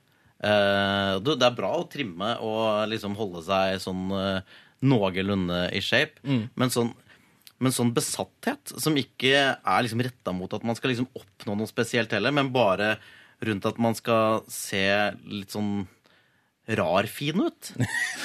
ja. Ja, men med sånn eh, Det er jo alltid noe litt sånn strange med at det, at det skal være viktig for damer å ha sånn synlig sixpack. Ja. Syns jeg alltid er noe sånn rart og nesten litt sånn Jeg syns ikke det er noe rarere for damer enn for menn. Det, det bare Jo, for det er altså det å ha sixpack er på en eller annen måte nesten en mer sånn naturlig del av en manns fysiologi. At det, for at en dame skal få sixpack, så må hun ha en Ja, det er Nesten være tynnere enn en mann som har det. Men, ja, men jeg, jeg syns ikke det har noe med saken å gjøre, for, og jeg er ikke enig. Men uansett syns jeg ikke det har med saken å gjøre. Men jeg er enig Nei, jeg har ikke det. Fortsett, fortsett. Men, eh, men, eh, men det er jo litt synd å gå glipp av livet, liksom, som, Mm. som seiler forbi mens man står og pumper for eh, jeg vet ikke hva, eller jeg vet ikke hvem. For det starter vel fordi alle har jo lyst til å se bra ut, eh, og det er helt streit. Og så er det et definisjonsspørsmål for hver enkelt hva det vil si å se bra ut. Og man skal jo ha lov til å trene så mye man vil, videre. Hun kan jo på en måte trene til hun ser ut som en kvinnelig hulk Mm. for, for det vi bryr oss om. Men, eh, men eh, spørsmålet er jo om man blir så veldig mye lykkeligere av det. Eh, og, og jeg forstår òg det at det å leve med det er jo, det er jo litt trist. Man har ikke noe liv sammen hvis ikke man kan spise sammen, eller altså, hvis det er det eneste som Det er jo en besettelse noe, vi snakker om her, som man sier også. Mm. Det er jo det, Du er besatt av et mønster da, som du har låst deg helt inn i, og glemmer liksom alt det der, de små tinga livet har å by på. Mm. Og selv om jeg, jeg nå trener mer enn jeg noensinne har gjort, så er ikke sånn at jeg ikke tar meg en øl eller spiser litt mer enn det jeg egentlig trengte. Det er nettopp fordi at jeg gjør det, at jeg jogger, så kan jeg føle at jeg kan gjøre det. da. Mm. Men eh, jeg syns, eh, som han sier, liksom at jeg syns det er mer attraktivt med en dame som sitter sammen med meg i sofaen og tar en øl og spiser potetgull, enn en som er ute og jogger hele tiden. Det må være forferdelig. Jeg syns det høres sjukt ut. Ja, er jeg tenker at hun er sjuk. Ja. At det, det har liksom dette er, dette er ikke bra, da. Det er i hvert fall helt ekstremt, ikke sant? Ja, er og det er liksom Du, du trener så fælt og, og forbrenner så mye fett at uh, puppene dine forsvinner, og så erstatter du det med, bare med silikon. Det blir som en slags det, det der ja, Det hadde jeg ikke orka hvis jeg var han. Ja, men jeg, jeg, mener det. jeg tror kanskje han bare sykt som om hun skulle veie 250 kilo. For at begge deler altså det, det, er det, det er vilt, på en måte. Det har ikke noe med å være et vanlig menneske å gjøre, eller leve et vanlig liv. Uh, så Men jeg mener ha- Si han, til henne? Sto det noe om det? Sier han at han syns hun ser Ja, han, sier, han har sagt til henne flere ganger at han syns hun er fin uansett. Mm. eh, har han da sagt til henne. Det virker ikke som at hun eh, bryr seg så mye om det. Nei. Virker ikke som hun er så opptatt av han, egentlig. Nei, kanskje det er noe annet. Dette er jo annet hans eh, versjon, selvfølgelig, men Mm. Eh, Men hva skal han gjøre, da? Eh, Er det liksom eh, ok å si til dama si at hvis du ikke slutter å trene, så kan ikke jeg være sammen med deg? For det kommer hun ikke til å gjøre. Jeg Nei. tror hun er på et stadium nå hvor det er blitt en besettelse, og det er sykt. Mm. og hun trenger kanskje noen som kan fortelle henne at du trenger ikke holde på sånn. Fordi at mennesker som helt oppriktig sier en dag uten trening, en dag uten mening, de må finne andre ting òg. Ja. Jo, men det er forferdelig. Ja. Liksom- Du må ikke si det. Det er masse ting som gir mening, som ikke bare er trening. Så, så jeg vet ikke hva han skal gjøre, for jeg tror ikke hvis han forteller henne 'jeg syns du er bra nok som du er', det, det tror jeg er helt sånn Det overser hun helt. Ja. For hun er ikke bra nok for seg selv. Ja. Så det er Og det er jo liksom det problemet er. Mm. Det er jo ikke overfor han hun vil gjøre seg fin, det er overfor seg selv, da. Og Mm. da er det en sånn narsissistisk besettelse et problem. Det er det. Jeg tenker er dette et menneske han egentlig bør være sammen med? Ja. Ja, såpass langt ut har jeg lyst til å stille spørsmålstegn også. For hvis han drømmer om en dame som er litt mer leksa, som tar en øl med han i sofaen og spiser litt pottis, Mm. så vil jeg masse sånne. Masse sånne damer! Rikelig! Vi vet dere er der ute. Og du tror at denne dama kan aldri bli en sånn dame? Eh, Jeg tror, jeg tror ikke hun kan bli en sånn dame. Nei. Eh, Men jeg syns godt han kan gi henne en sjanse. Beklager at jeg er så treg nå igjen, men sto det hvor lenge de hadde vært sammen? Nei, eh, nei. det står det faktisk ikke. Nei. det står bare at de er sammen. Ja, Hvis de har vært sammen eh, lenge og er fryktelig glad i hverandre, så, så vil jeg jo fortsette å jobbe litt med det. Men hvis dette er et nytt Det står nytt ikke noe om det heller. Nei, det gjør ikke det. Nei. Hvis et, hvis et eh, nytt forhold, eh, og han eh, vantrives, så ville jeg ha forsøkt litt til å snakke om det og vært helt ærlig og sagt at jeg syntes det var altfor mye, at jeg trodde det ikke var bra for henne. Og hvis hun ikke hører på det i det hele tatt, så vil jeg ha, finne meg ei dame som, som liker pils. Det er også mennesker som har et ekstremt lavt selvbilde også, for du holder Mm. ikke på sånn med mindre du sliter ekstremt med dårlig selvtillit. Da tror jeg, hvis du ikke klarer liksom å innfinne med at jeg er relativt normalt skapt, for hun vil jo jobbe seg opp til sånn superkropp, Ja. og det, det er jo Jeg vet ikke. Jeg er nesten så jeg sier liksom Håvard, er dette riktige forhold? Men er han glad i henne, så må han jo da rett og slett bare Ja, hva skal han gjøre? Jeg har ikke noe svar. Eh, så det, altså, det finnes jo også menn som er ekvivalenten hennes, ikke Ja sant? Eh, som, eh, som pumper seg opp, og som på en måte kanskje er med på konkurranser om å vise fram eh, fysiologien sin. Mm. Eh, det er kanskje bedre for henne å være sammen med en sånn fyr. Altså, som, Ja. på en eller annen måte, altså, Dette virker som dette er hennes eneste interesse. Mm. Og da er det kanskje lurt å finne seg noen andre som også har det som Interesse. viktigste livsmål. Men bare lurer på en ting også før vi skal oppsummere. At uh, Dere nevner jo at det begynner å ligne litt på sykdom. Har han et slags ansvar for å hjelpe henne med det? Og si det til henne, eller f sette henne i kontakt med noen som kan hjelpe henne? Eller er det, ikke- er det ikke sånn det funker? Det kan jo være at altså, Det kan jo være hun ville blitt dritsur hvis man kalte det for det. Ja. Uh, fordi det er ikke sikkert hun føler at det er slitsomt i det hele tatt. Det kan være hun bare syns det er dødsgøy, og at hun er lykkelig, og at hun har god selvtillit, og at det er det hun har lyst til å gjøre. Da skal man respektere det. Det kan jo deg som forsvarsmekanisme å si at du har god selvtillit fordi du holder på sånn. Nei, nei, jeg, men jeg, jeg tror bare ikke alltid det er sånn at fordi om man eh, har lyst til å skape seg et slags ekstremt utseende, så er det ikke alltid det ligger i bånn at man egentlig føler seg som et stygt monster. Det kan bare være at hun Ja, men du er i hvert Men fall er i hvert fall tilbake på det du en gang var, da, siden du holder på sånn, eller? Hva, hva sa du nå? Du er i hvert fall redd for, redd for å falle tilbake på det du en gang var, Ja, fordi det tydeligvis ikke var bra nok. Da. Hun syns sikkert ikke det er I hvert fall ikke nå. Altså, nå har hun jo sikkert holdt på med det en stund, og da blir man jo også tatt av det man driver med. Det kjenner jo alle til som driver med noe som man syns er veldig gøy. ikke sant? Ehm, men jeg- det kan jo godt være at dette bare er hennes uh, greie, og det, det får være greit, liksom. Men uh, ja. Da må vi vel nesten råde gutt som savner ei jente med tid for andre enn seg sjøl, og muligens finne ei jente med tid for andre enn seg sjøl. Det virker ikke som at dette her kan bli den jenta du har lyst til å sitte og spise potetgull og drikke øl sammen i sofaen uansett. Og Hvis det er det du vil ha, så kan det hende at du eh, bare må gå den veien. Det kan jo være ålreit å ta det opp med henne, kanskje. Se om, eh, om det er noen muligheter for at hun kan forandre seg, men det virker ganske lite sannsynlig fra her vi sitter, iallfall. Skal få høre Iggy Azelia nå, sammen med Charlie XCX. Dette her er Fancy. Du hører på Lørdagsrådet på P3. P3 Dette er Lørdagsrådet på P3. P3 James Bay, Hold Back The River eh, i Lørdagsrådet på P3. Eh, I dag har vi følgende rådgivere. Det er Kristi Torjussen, Håvard Lilleheie og Charlotte Kvale som sitter her sammen med meg, Ken Vasenius Nilsen, og prøver å løse opp i problemer i dag. Em, straks skal vi snakke om em, gjestfrihet og problematikk knytta til det. Vi var så vidt innom noe lignende tidligere i dag, men em, er det noen av dere som noen gang har eh, tatt dere litt til rette og invadert noens hjem? og bare blitt der og hengt litt rundt? Ja, ja. Ja? Ja. Det har jeg gjort, det. Du, er det noe du følte noe skam, eller var det bare dette her Ja, det, det er jo på en eller annen måte sånn eh, Noen ganger så Noen ganger i livet så har man kanskje havna i en livssituasjon der, eh, der, der ting er ørlite komplisert. Mm. eh, og der man eh, trenger både varme og husvære. Mm. Eh, og da det, Ja, det må jeg innrømme har hendt, ja. Og det har hendt, liksom. Men jeg føler at det Jeg har liksom alltid klart å føle på det mest først. Ja. Altså før eh, Tror jeg, da. Ja. Uh, uten at jeg er jo ikke inni den andres hode. Så, uh, men så jeg innbiller meg at jeg har klart å ha en slags Jeg hadde det andre veien en gang. Ja. At uh, vi var fire kompiser som bodde i et kollektiv.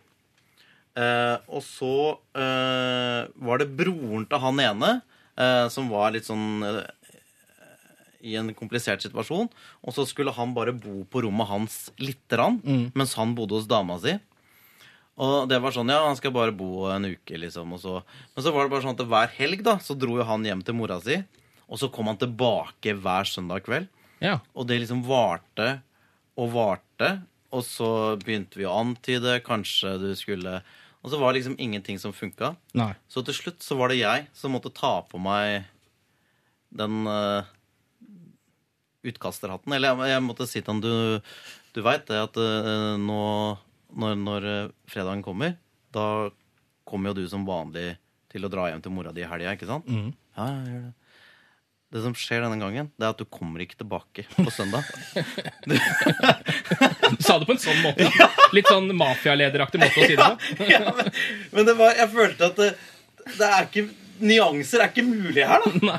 Jeg er så nødt Og så var det Og det er jo Kanskje jeg mangler empati. Jeg vet ikke, jeg føler egentlig ikke det. Men, men alle de andre var Det var ingen andre som var liksom villige til å, å være den kjipe, da. Ja. Så jeg følte at nå, nå må jeg bare være liksom den kjipe voksne her. Ja. Og, og det var ikke noe hyggelig. Altså, men, Hvordan reagerte han? Nei, og det er jo på en måte For han var jo en fyr også som var en sånn Ja, jeg skjønner det. Altså, men, altså, det var på en måte Du fikk ikke hans Det hadde vært litt deilig hvis han sa Men du, den kødd, liksom. Nå skal du høre her. Men han var bare sånn Ja, jeg skjønner det. Ja, jeg har vært der kanskje litt lenge nå. Ja. og, så, og så dro han, så kom han ikke igjen.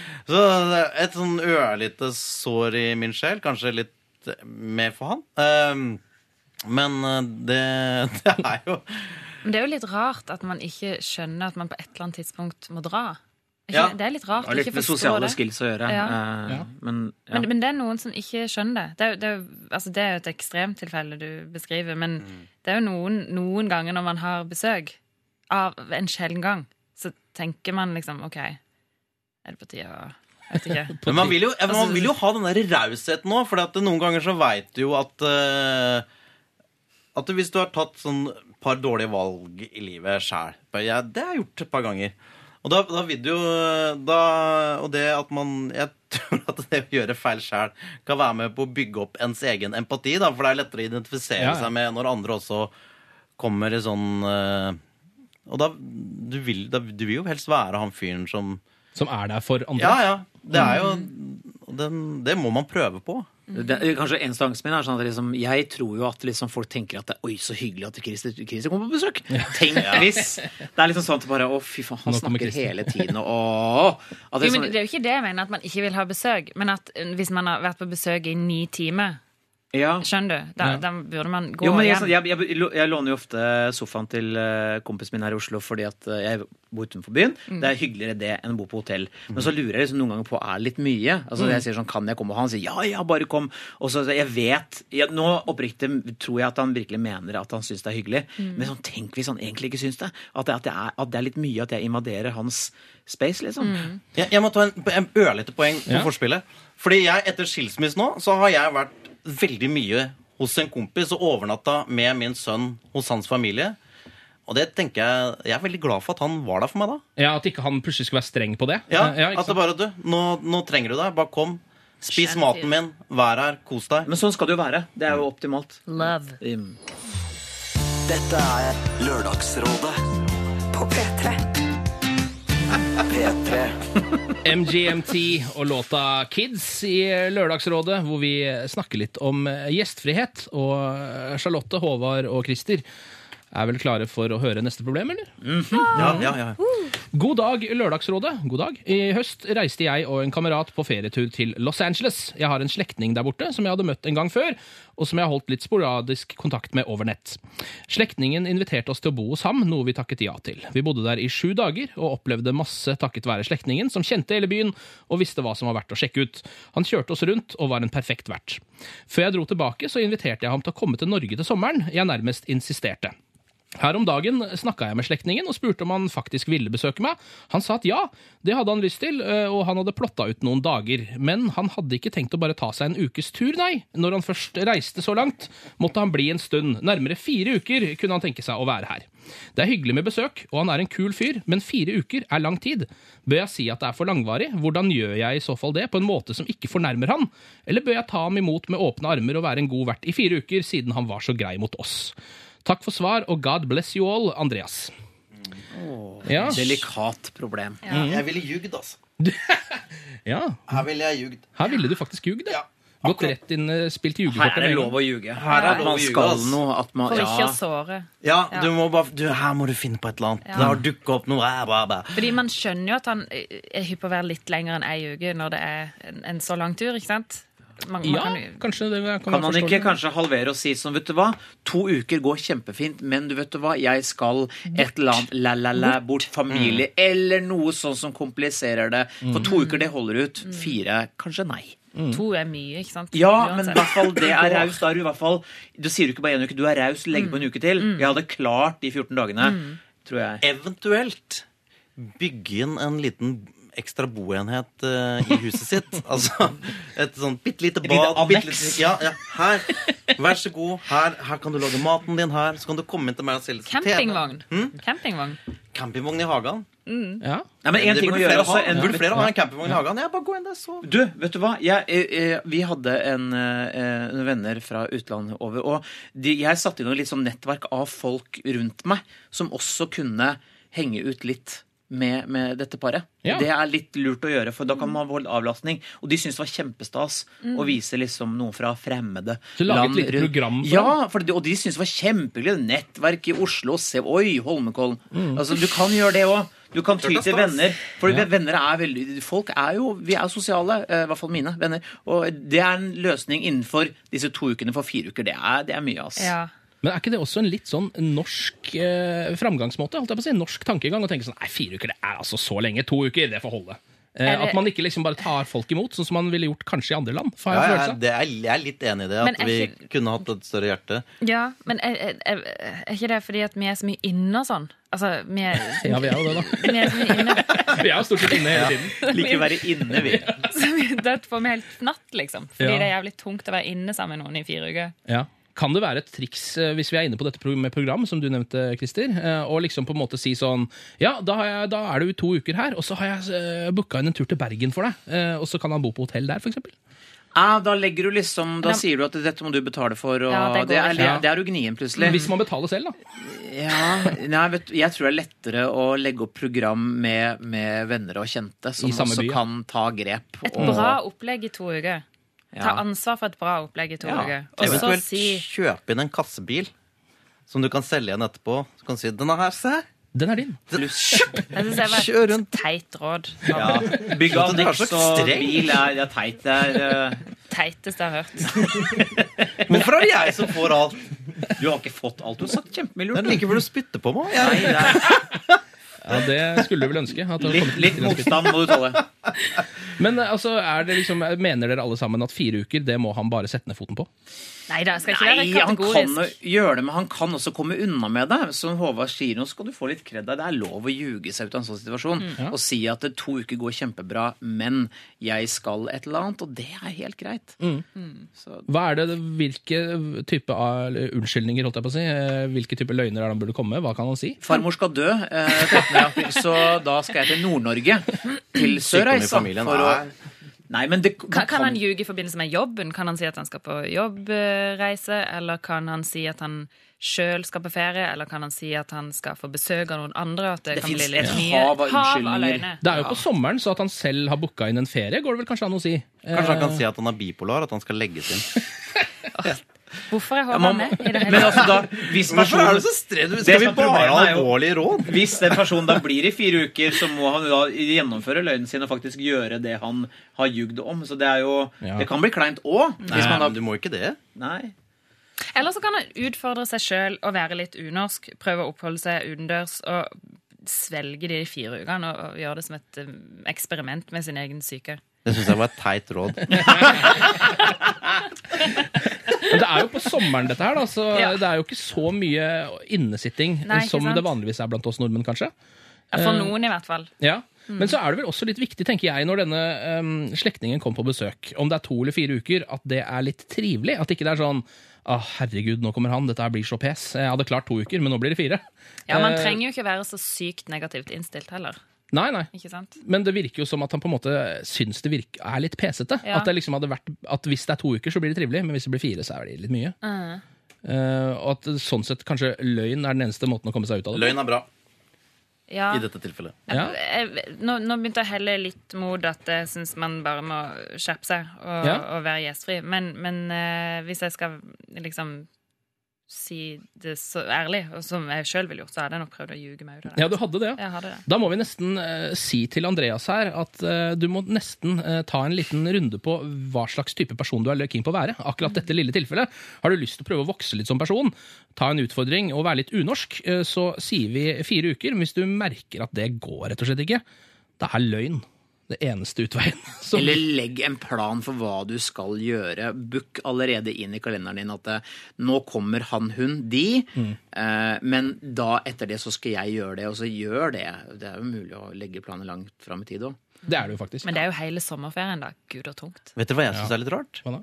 Det er det at Vi nordmenn vi er jo veldig sånn glad i oss sjøl og sånn som vi er. og sånn Men likevel så er det litt sånn positivt lada å si noe som er unorsk. Ja, I forhold til å si eh, Let's be a little un-American. Det, Ja, ja, ja. det ville falt på steingrunn. Men eh, sant, vi, vi, vi elsker oss sjøl, men vi vil ønsker å være noe annet enn det vi er. Ja, vi gjør det. Vi er et lite enigma, hele forskerslaget. Altså. Det er ikke noe tvil om det. Nei, men Du må nesten eh, finne ut av det, Andreas. Eh, Om du, hvis du klarer fire uker, hvis du tror det kan gå, så kanskje du skal prøve. Du liker jo tydeligvis denne personen, dere kan henge ganske bra sammen. Hvis du merker at det ikke går, ja, gå for løgn. Dette er Selena Gomez i Lørdagsrådet. The Heart Wants What It Wants. Dette er Lørdagsrådet På P3. Quabs med Walk i Lørdagsrådet på P3. Klokka har blitt eh, halv eh, tolv. Jeg heter Ken Vasenius Nilsen, er vikar for eh, Siri ut januar.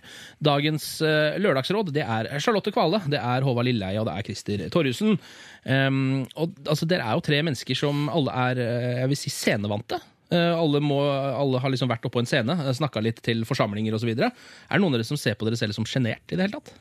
På, på privaten. På privaten, for eksempel.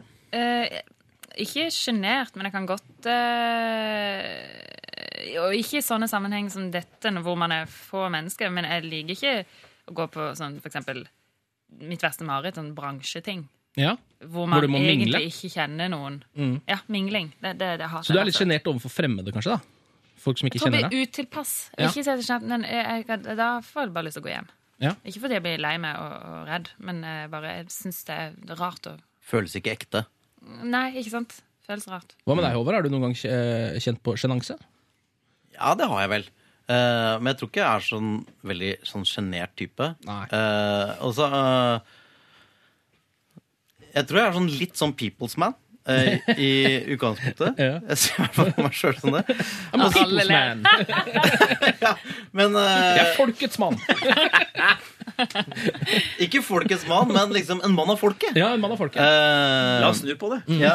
Og så og så er det, det er noe man blir liksom trent på gjennom Når du drar rundt og gjør enten en firmagig eller Mm. liksom hva som helst, så er du da Da er du liksom nødt til å Da må du forholde deg til å være interessert og ta liksom vare på på de folka du skal til òg. Mm. Så det kan være en slags eh, treningsting òg, at man kan bli bedre på det.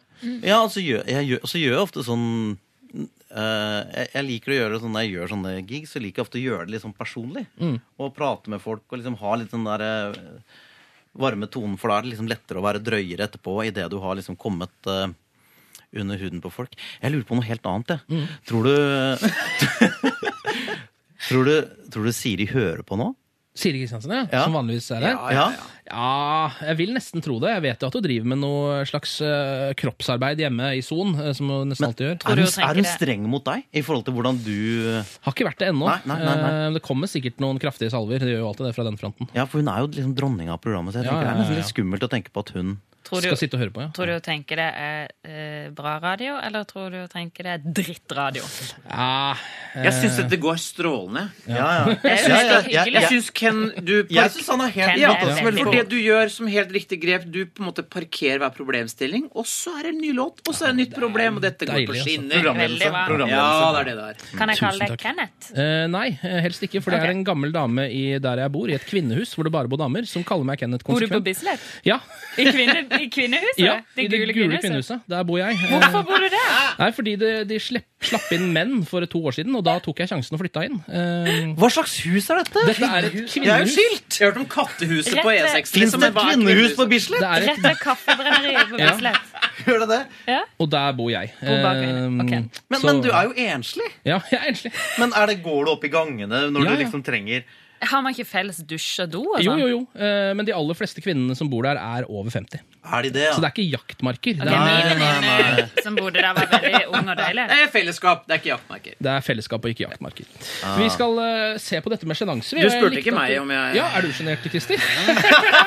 Tydeligvis Jeg ikke. satt her og venta på svaret. Det var jeg som det var min feil. Eh, Ja, der tråkka du over. Nei, vet du hva? Jeg er ikke sjenert i det hele tatt. Men hvis jeg er sammen med folk som jeg syns er morsommere og smartere enn meg, så kan jeg bli det. Oh, ja. Eksempel Så du er lørdagsråd- ikke sjenert nå? Det er det du prøver å si? Nei, overhodet ikke. Nei, men vet du hva? Det, det her var i Lørdagsrådet for eh, litt tid tilbake. Da satt jeg sammen med Trond-Viggo og Kari Slottsveen. To sånne bautaer innen norsk på en måte humor. Og de har så kløkt, da. ikke sånn, skjønner du? Jeg ble sånn, Første halvtimen var jeg sånn Jeg er enig i alt det Trond-Viggo og Kari sier, for de er, de er kjempesmarte og morsomme. Men så løsna det etter hvert. Men jeg kan være litt sånn reservert, for jeg syns det er litt sånn skummelt at jeg er redd for å framstå som litt sånn kørka. Så du må finne ut hvor du er i hierarkiet først? før Nei, jeg må, jeg må tilpasse meg litt. Ja. Jeg trenger litt sånn, jeg er litt sånn avmålt, og så tenker jeg dette er, dette er ikke skummelt. Men jeg kan bli litt sånn sjenert hvis det er folk jeg ser opp til. Så kan jeg bli litt tilbakeholden. Ellers så snakker jeg mye som i dag. Men jeg kjenner meg igjen i det, for at no, jeg har sittet et par ganger sammen med Christian Borch. Ja, ja. Og da, da er jeg mer forsiktig enn det jeg er nå. Jeg ble litt skuffa over at ikke jeg skulle være her sammen med Christian Borch. For jeg har aldri vært her sammen med Christian Borch. Nei, Kan du, altså. kan du ordne det? Skal fikse Christian Borch eh, på sikt. Dette er å stikke kniven inn. Altså. Og vri den rundt. Altså Man kan si mye veldig fint om deg, Håvard, men du er ikke Christian Borch. Nei, er. Dessverre. Dessverre. Blir aldri Men du er et people's man. Ja, det Det er du. Kanskje i større grad enn Christian Borch, tror du? Ja, Se på flotte mannen. Han er jo mann av folket. Men jeg likte at du var innom Håvard, at det kanskje går an å lære seg å bli mindre sjenert. For vi har fått en mail eh, fra en sjenert eh, jente som vi skal eh, se på etter at vi har hørt eh, Katy Perry her i Lørdagsrådet. Dette her, det er Dark Horse på P3. Dette er Lørdagsrådet På P3. P3. Katy Perry og Juicy J, Dark Horse, i Lørdagsrådet på NRK P3. Det er Charlotte Kvale, og det er Håvard Lilleheie og det er Kristi Torjussen som er dagens eh, rådgivere. Og nå eh, er det sjenanse som er eh, temaet. Vi har fått en mail her fra en som kaller seg sjenert og lei av det. Hei, kjære lørdagsråd. Vi først starter med å si at jeg digger dere, hører på dere hver lørdag. Det er bra, da. Eh, Her kommer mitt problem, som jeg ikke er så glad i å snakke om. Derfor vil jeg ta det opp med dere anonymt. Jeg er ei jente på 20 år som er sjenert. Ikke hele tiden, men i enkelte situasjoner. La oss ta et eksempel. Når jeg møter folk eh, igjen som jeg ikke har sett på en stund, så blir jeg litt satt ut, får hjertebank eh, og blir tom for ord fordi jeg blir så sjenert. Vet ikke om dette er noe andre legger merke til, men jeg blir selv irritert på meg selv, og vil aller helst bare synke ned i jorda etter et sånt tilfelle. Hvorfor skal liksom jeg være sjenert? Hvorfor virker alle andre så selvsikre? Finnes det noen måter å lære seg å bli mindre sjenert? I så fall hadde jeg blitt utrolig glad for råd fra dere. Hilsen sjenert og lei. Eh, ja, jeg vet ikke, Hva, det, hva syns du, Christer? Er Det liksom noe, det virker som å skamme seg litt over det.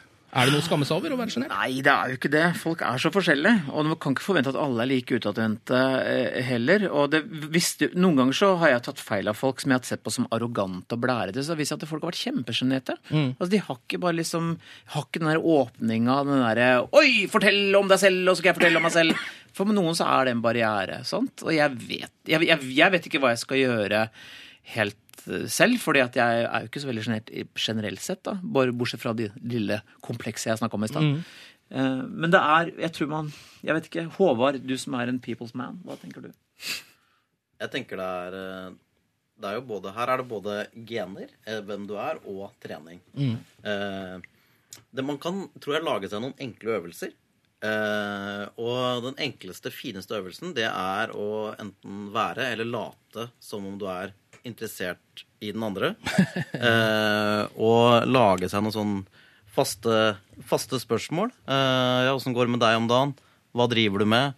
Og så For da setter jo folk i gang. Da begynner da den andre parten parten å snakke lenge. Da begynner den andre parten å snakke, og så at man eh, må være litt, du må være litt journalist, da. Ja. Du må være god til å stille litt sånn åpne spørsmål. eh, ikke ja-nei-spørsmål. Formulere deg på den måten at eh, motparten nødvendigvis må fortelle noe. Hvorledes har det seg at de Ja, ja. for eksempel? ja at, de, at de fremdeles er i den jobben. Ja. Og så, og så har du det gående, og da tror jeg ofte i løpet av ganske kort tid at ting føles mer naturlig, og at du slipper å, å svette og, Ja. og ja. få problemer med pusten. Jeg har en bok som heter jeg tror den heter noe How to talk to people. eller noe sånt, er en litt sånn humoristisk bok. Der er det sånn hvordan du i, i, i, blant andre mennesker kan på en måte starte en samtale. Fun facts er en del av uh, greiene der. Ja. At du har liksom noen sånne på lager.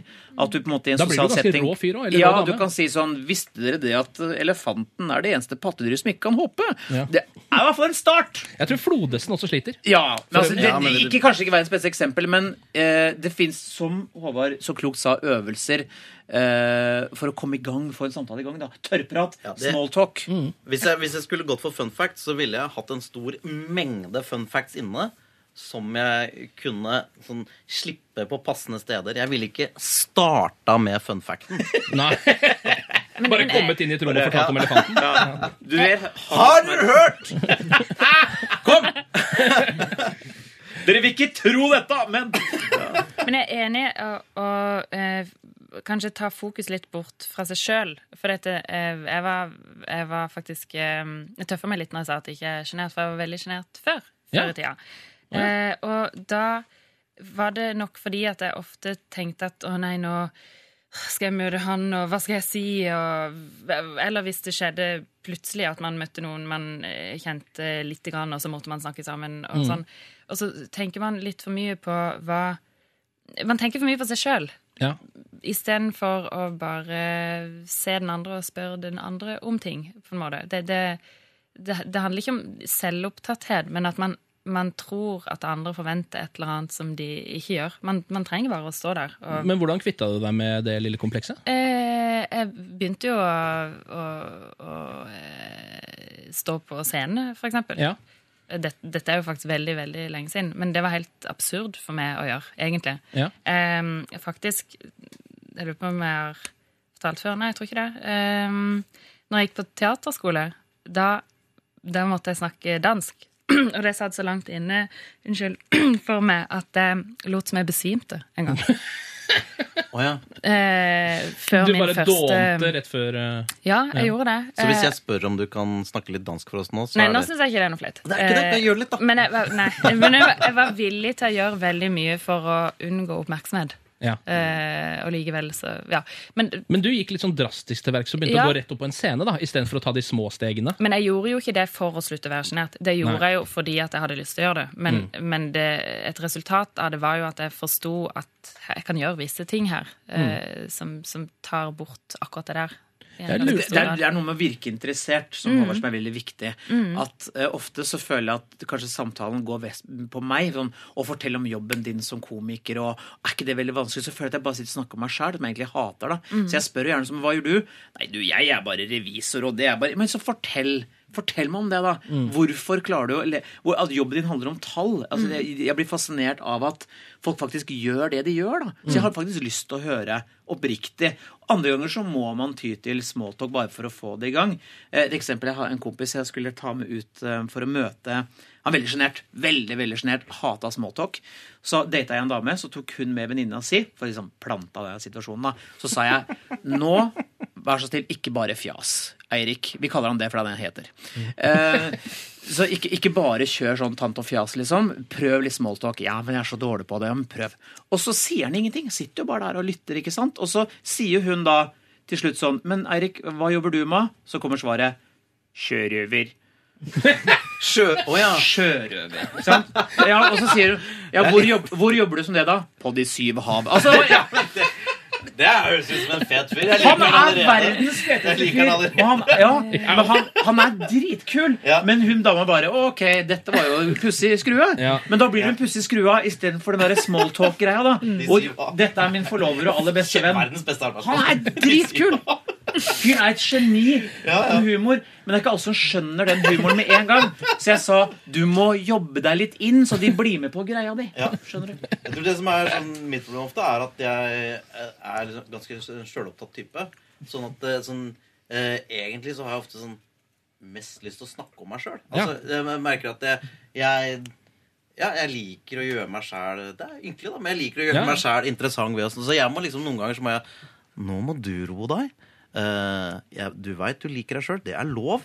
Men nå, Håvard, nå må du Ja, ikke sant? Det er det jeg prøver å si. Men er det ikke sånn Ja. sett litt sånn ålreit at vi har noen sjenerte sjeler? Sånn at eh, folk Jo, som deg for eksempel, kan ta litt mer plass? Ikke sant? Det er ikke, det er ikke så farlig å være sjenert. Altså, Når hun blir, får lyst til å dø av situasjonen, så er det fordi man begynner å rødme, og man det syns at man er svak, da, i Mm. gåseøyne. Og det er man jo ikke. Det er bare følelser kan jo faktisk være veldig sjarmerende i Mm. tillegg. Um, så hun, hun trenger ikke å bli noen andre enn Det nå er? uh, Ja, men Øve seg på tomprat.no. Litt sånn smalltalk tror jeg er en god start. Litt grann nå og da. Bare litt sånn tørrprat, fordi de leder som regel til en god konversasjon. Ja. Eller ja, drøfte noe. Ja, kanskje det. altså Vi merker jo at vi egentlig er ganske glad i sjenerte folk. mm. fordi da kan vi ta litt plass sjøl. Så det er ikke så dumt. Det er ikke sikkert du trenger å jobbe så mye med det, men hvis det virkelig er vondt for deg, så kan måten å eh, gjøre det på, sjenert og lei, eh, lei av det, være da å kanskje ta Håvards eh, eksempel. At man eh, øver seg litt på eh, smalltalk. Ordne deg noen spørsmål du kan ta med deg, som du kan bruke. Og veldig ofte så er det smart å spørre folk hva de jobber med, og hva de driver med. Fordi hvis du da for eksempel snakker med Håvard, så kan han snakke om det i to timer, og du vil ikke tenke på den sjenansen i det hele tatt. Så det er vel eh, det rådet du får eh, sjenert og lei av det. Um, enten bare fortsett å være sjenert, fordi det gjør egentlig ikke så mye. Eller eh, hvis du vil jobbe med det, så er det fint å gå gjennom noen, eh, noen faste eh, punkter som du kan ta opp når du møter noen. Skal høre Inge Bremnes her i Lørdagsrådet på eh, P3. Klokka har blitt så mye som tolv minutter på tolv, og du får sne. Dette er Lørdagsrådet På P3. P3. Inge Bremnes og låta uh, Sne her i Lørdagsrådet på NRK P3. Vi skal dele ut eh, en uh, kopp, vi nå. Lørdagsrådet-kopp til en av de som har uh, sendt inn problem i dag. De er fine, altså. Ja, de er veldig fine. Jeg liker den. Er det, er det leather, eller? Det er, er det ikke Siri sitt design eller noe? Ja, er det? Får vi disse med hjem? Ja, ja, ja. Nei, vi har fått beskjed om at det er, det er så ulovlig, det. Jeg har veldig lyst til at dere skal få dem med hjem, men Siri har satt ned foten og sagt at det er ikke lov å ta de koppene. De skal hun ha selv. Men Siri er ikke her. Nei, det er sant, det, men uh, Skal hun ha de sjøl? Ja, jeg tror hun skal ha de selv. Eller jeg vet ikke hva hun skal med de, for å være ærlig. Men uh, vi i hvert fall ikke gi det til dere. I hvert fall ikke oss. Å, nei. Vi kan gå gjennom eh, de problemene vi har fått inn i dag, uh, se hvem som fortjener en sånn kopp. Vi hadde denne personen som lurte på skal jeg stikke til eh, Norge eller til Tenerife eh, fra Budapest fordi det skal pusses opp bad. Um, og så hadde vi da en um, en som hadde problemer med at uh, kjæresten hadde sagt navnet til eksen. Eh, under en samtale. eh, og lurte på om eh, hun var naiv, eller om hun burde slå ned på dette her. Vi hadde en som eh, hadde en greie på gang med en person eh, som hadde psykiske problemer, eh, og hvor hun også lurte på hvorvidt han i det hele tatt var forelska i henne, og om det var noe å satse på. Og så um, var vi innom en som hadde en, eh, en dame som trente ekstremt mye. Uh, nærmest uh, blitt en besettelse. Og han savna da å ha en dame som kunne sitte i sofaen isteden og drikke øl med han og spise potetgull. Jeg hadde en som uh, hadde vært og besøkt en slektning i Amerika, uh, som nå ville komme på besøk til han i fire uker. Uh, Syntes det var litt lenge. Så hadde vi da den siste her, en, en jente som var veldig lei av å være sjenert. Lurte på om det var noe vei ut av denne tilværelsen. Hva syns dere?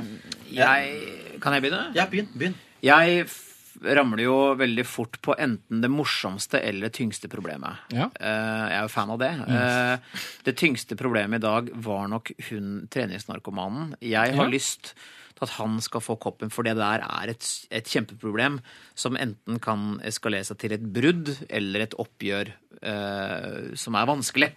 Derfor så vil jeg gi denne koppen som motivasjon. Så kan jeg. han enten servere henne øl i den, eller så kan han drikke seg drita. ja, eller smult. Det, det, jeg vil, det jeg vil si hvis han skal få, da, Ja. da syns jeg det er viktig at han får to. Jaha. Han må ha to, for han må også ha Han må kunne lage seg ei kanne med kaffe med to lørdagsrådekopper, sette den ene foran henne, den andre foran seg, Og si 'vil du ha Skjenk. melk i'? H-melk, vil du ha melk i? Og skjenke oppi og si 'nå må vi prate'. Så hvis han skal Ja. få, så syns jeg han må få Ja, to. det- Et bilde. Det var Ja. lurt, altså. Og så, men, men jeg syns det, er- det er to um, jeg, jeg, jeg går bare for de som jeg føler er mest emosjonelle, for at de trenger det mest. Mm. Eh, kjæreste med psykiske problemer er jo Den Ja. er også svær. Ja. Og så syns jeg også den med hun som er så sjenert, også er en litt sånn Ja. At hun øh, Hun kan også få mye ut av det med øh, For at hun følte jeg fikk veldig gode råd av oss. Ehm, så så eh, da tenker jeg at det kan være sånn daglig oppmuntring for henne. da At hun alltid tar morgenkaffen i Lørdagsrådet-koppen og tenker du, i dag, i dag skal jeg klare å et ikke, slags symbol hver dag, ikke rødme hver gang jeg møter et menneske jeg ikke har sett de siste ja. Fem dagene. Eller så skal jeg tenke Eller så skal jeg drite i at jeg rødmer, fordi det gjør ingenting. Nei, jeg kan sant? rødme så mye Ja. jeg bare vil. Fordi jeg har denne Ja. koppen. Hva syns du da, Charlotte? Sjenert Eh. eller øh, trenings... øh, Jeg følte umiddelbart øh, mest sympati med den sjenerte. Ja, du gjorde det. Så ehm, Og Dette her er jo, altså Vi må alle bli enige, det er litt av Ja. dealen Vi her. er to mot én her. Vi Ja. er jo veldig for Jeg liker Jeg har ikke falt ned på noe. Oi, Jeg ny stemme. Gikk i pitch. Jeg, ja, jeg har ikke falt ned på noe. Noen ganger så legger jeg inn den som jeg kaller for Drammensknekken. Sånn, jeg har ikke falt ned på noe! At dere bare legger den på slutten. Men nå gikk jeg for pitchen helt fra starten. Nei, for at jeg sa både din og skjønner. Jeg nevnte jo Ja. to. Så at jeg, jeg, jeg har ikke Du er på en måte jeg, jeg ja. syns den sjenerte. Hva syns du, Ken? Ja, vet du hva? Jeg eh, syns egentlig kanskje trening Jeg satte meg mest inn i den treningsproblematikken. Ja, jeg syns Eh, For det syns jeg også er et problem som går uh, utenom bare én person. Altså Det er et samfunnsproblem. Men Da må du by på to problem. kopper. Ja, Men kan vi by på to kopper, eller? Ja, vi kan by på to kopper. Ja, Da er jeg med på den. Skal vi kjøre den, eller? Ja, vi kjører den. Ja, greit, vi da. Er det greit? Ja, det blir ble selvfølgelig litt dårlig stemning på slutten, men det er jo sånn det, sånn det blir. Ja, det er topp. Okay. topp. Jeg er så fascinert at du bor i det kvinnehuset. Ja, jeg, Du kan komme på besøk en dag. Kan jeg det? Jeg kan vi- vise deg hvor det er. Det er rett ved Kaffebrenneriet på Ja, men det er bedre for meg å komme til Kent, som er inne i huset. Ja, men jeg er jo kvinne. Jeg kommer meg jo lettere inn Ja, du kommer deg Ja, veldig i inn. huset. Men jeg er, er det sånn slags... at hvis man kan ringe på en hvilken som helst eh, ringeklokke i kvinnehuset og si 'jeg er kvinne'? Ja, altså, før fikk Kom man inn, kom knapt inn! Du er kvinne, ja! Før fikk man knapt ha besøk av menn der. Ja, du fikk ikke ha overnattingsbesøk. Nei. Det var ikke lov, rett og slett. er, er, det, er det en religiøs stiftelse som Nei, har den? det er ikke det. Nei, det er det ikke. Får du ikke ha besøk igjen? Er det sant? Nekte disse kvinnene Nei, jeg- jeg- Får du ikke ha De, de besøk kunne Jeg får ha besøk. Oh, ja. Eh, Men ja. før så var det sånn da det ikke var lov å ha menn der, så kunne ikke menn heller være på besøk. Nei. Eh, I hvert fall ikke over, ikke, over natta. nei, de kunne ikke sove der. Så det er fascinerende. Dere får komme på besøk hele gjengen. Der. Ja, hyggelig. Da tror jeg vi sier at eh, det er eh, gutt som savner ei jente med tid for andre enn seg sjøl, som får seg to Lørdagsrådekopper, faktisk, eh, og kan da ta opp eh, dette problemet mens dere tar dere en liten kopp med kaffe. Det kan bli trivelig. Eh, Charlotte Kvale, eh, Håvard Lilleheie og Christer Torjussen, ha en glimrende lørdag videre. Veldig hyggelig at dere kunne bruke tre timer sammen med oss her i dag. Takk for oss. Vi skal høre Bastille. Dette er Pompeii. Ha en god lørdag. Ha det bra. P3 Dette er Lørdagsrådet på P3. P3.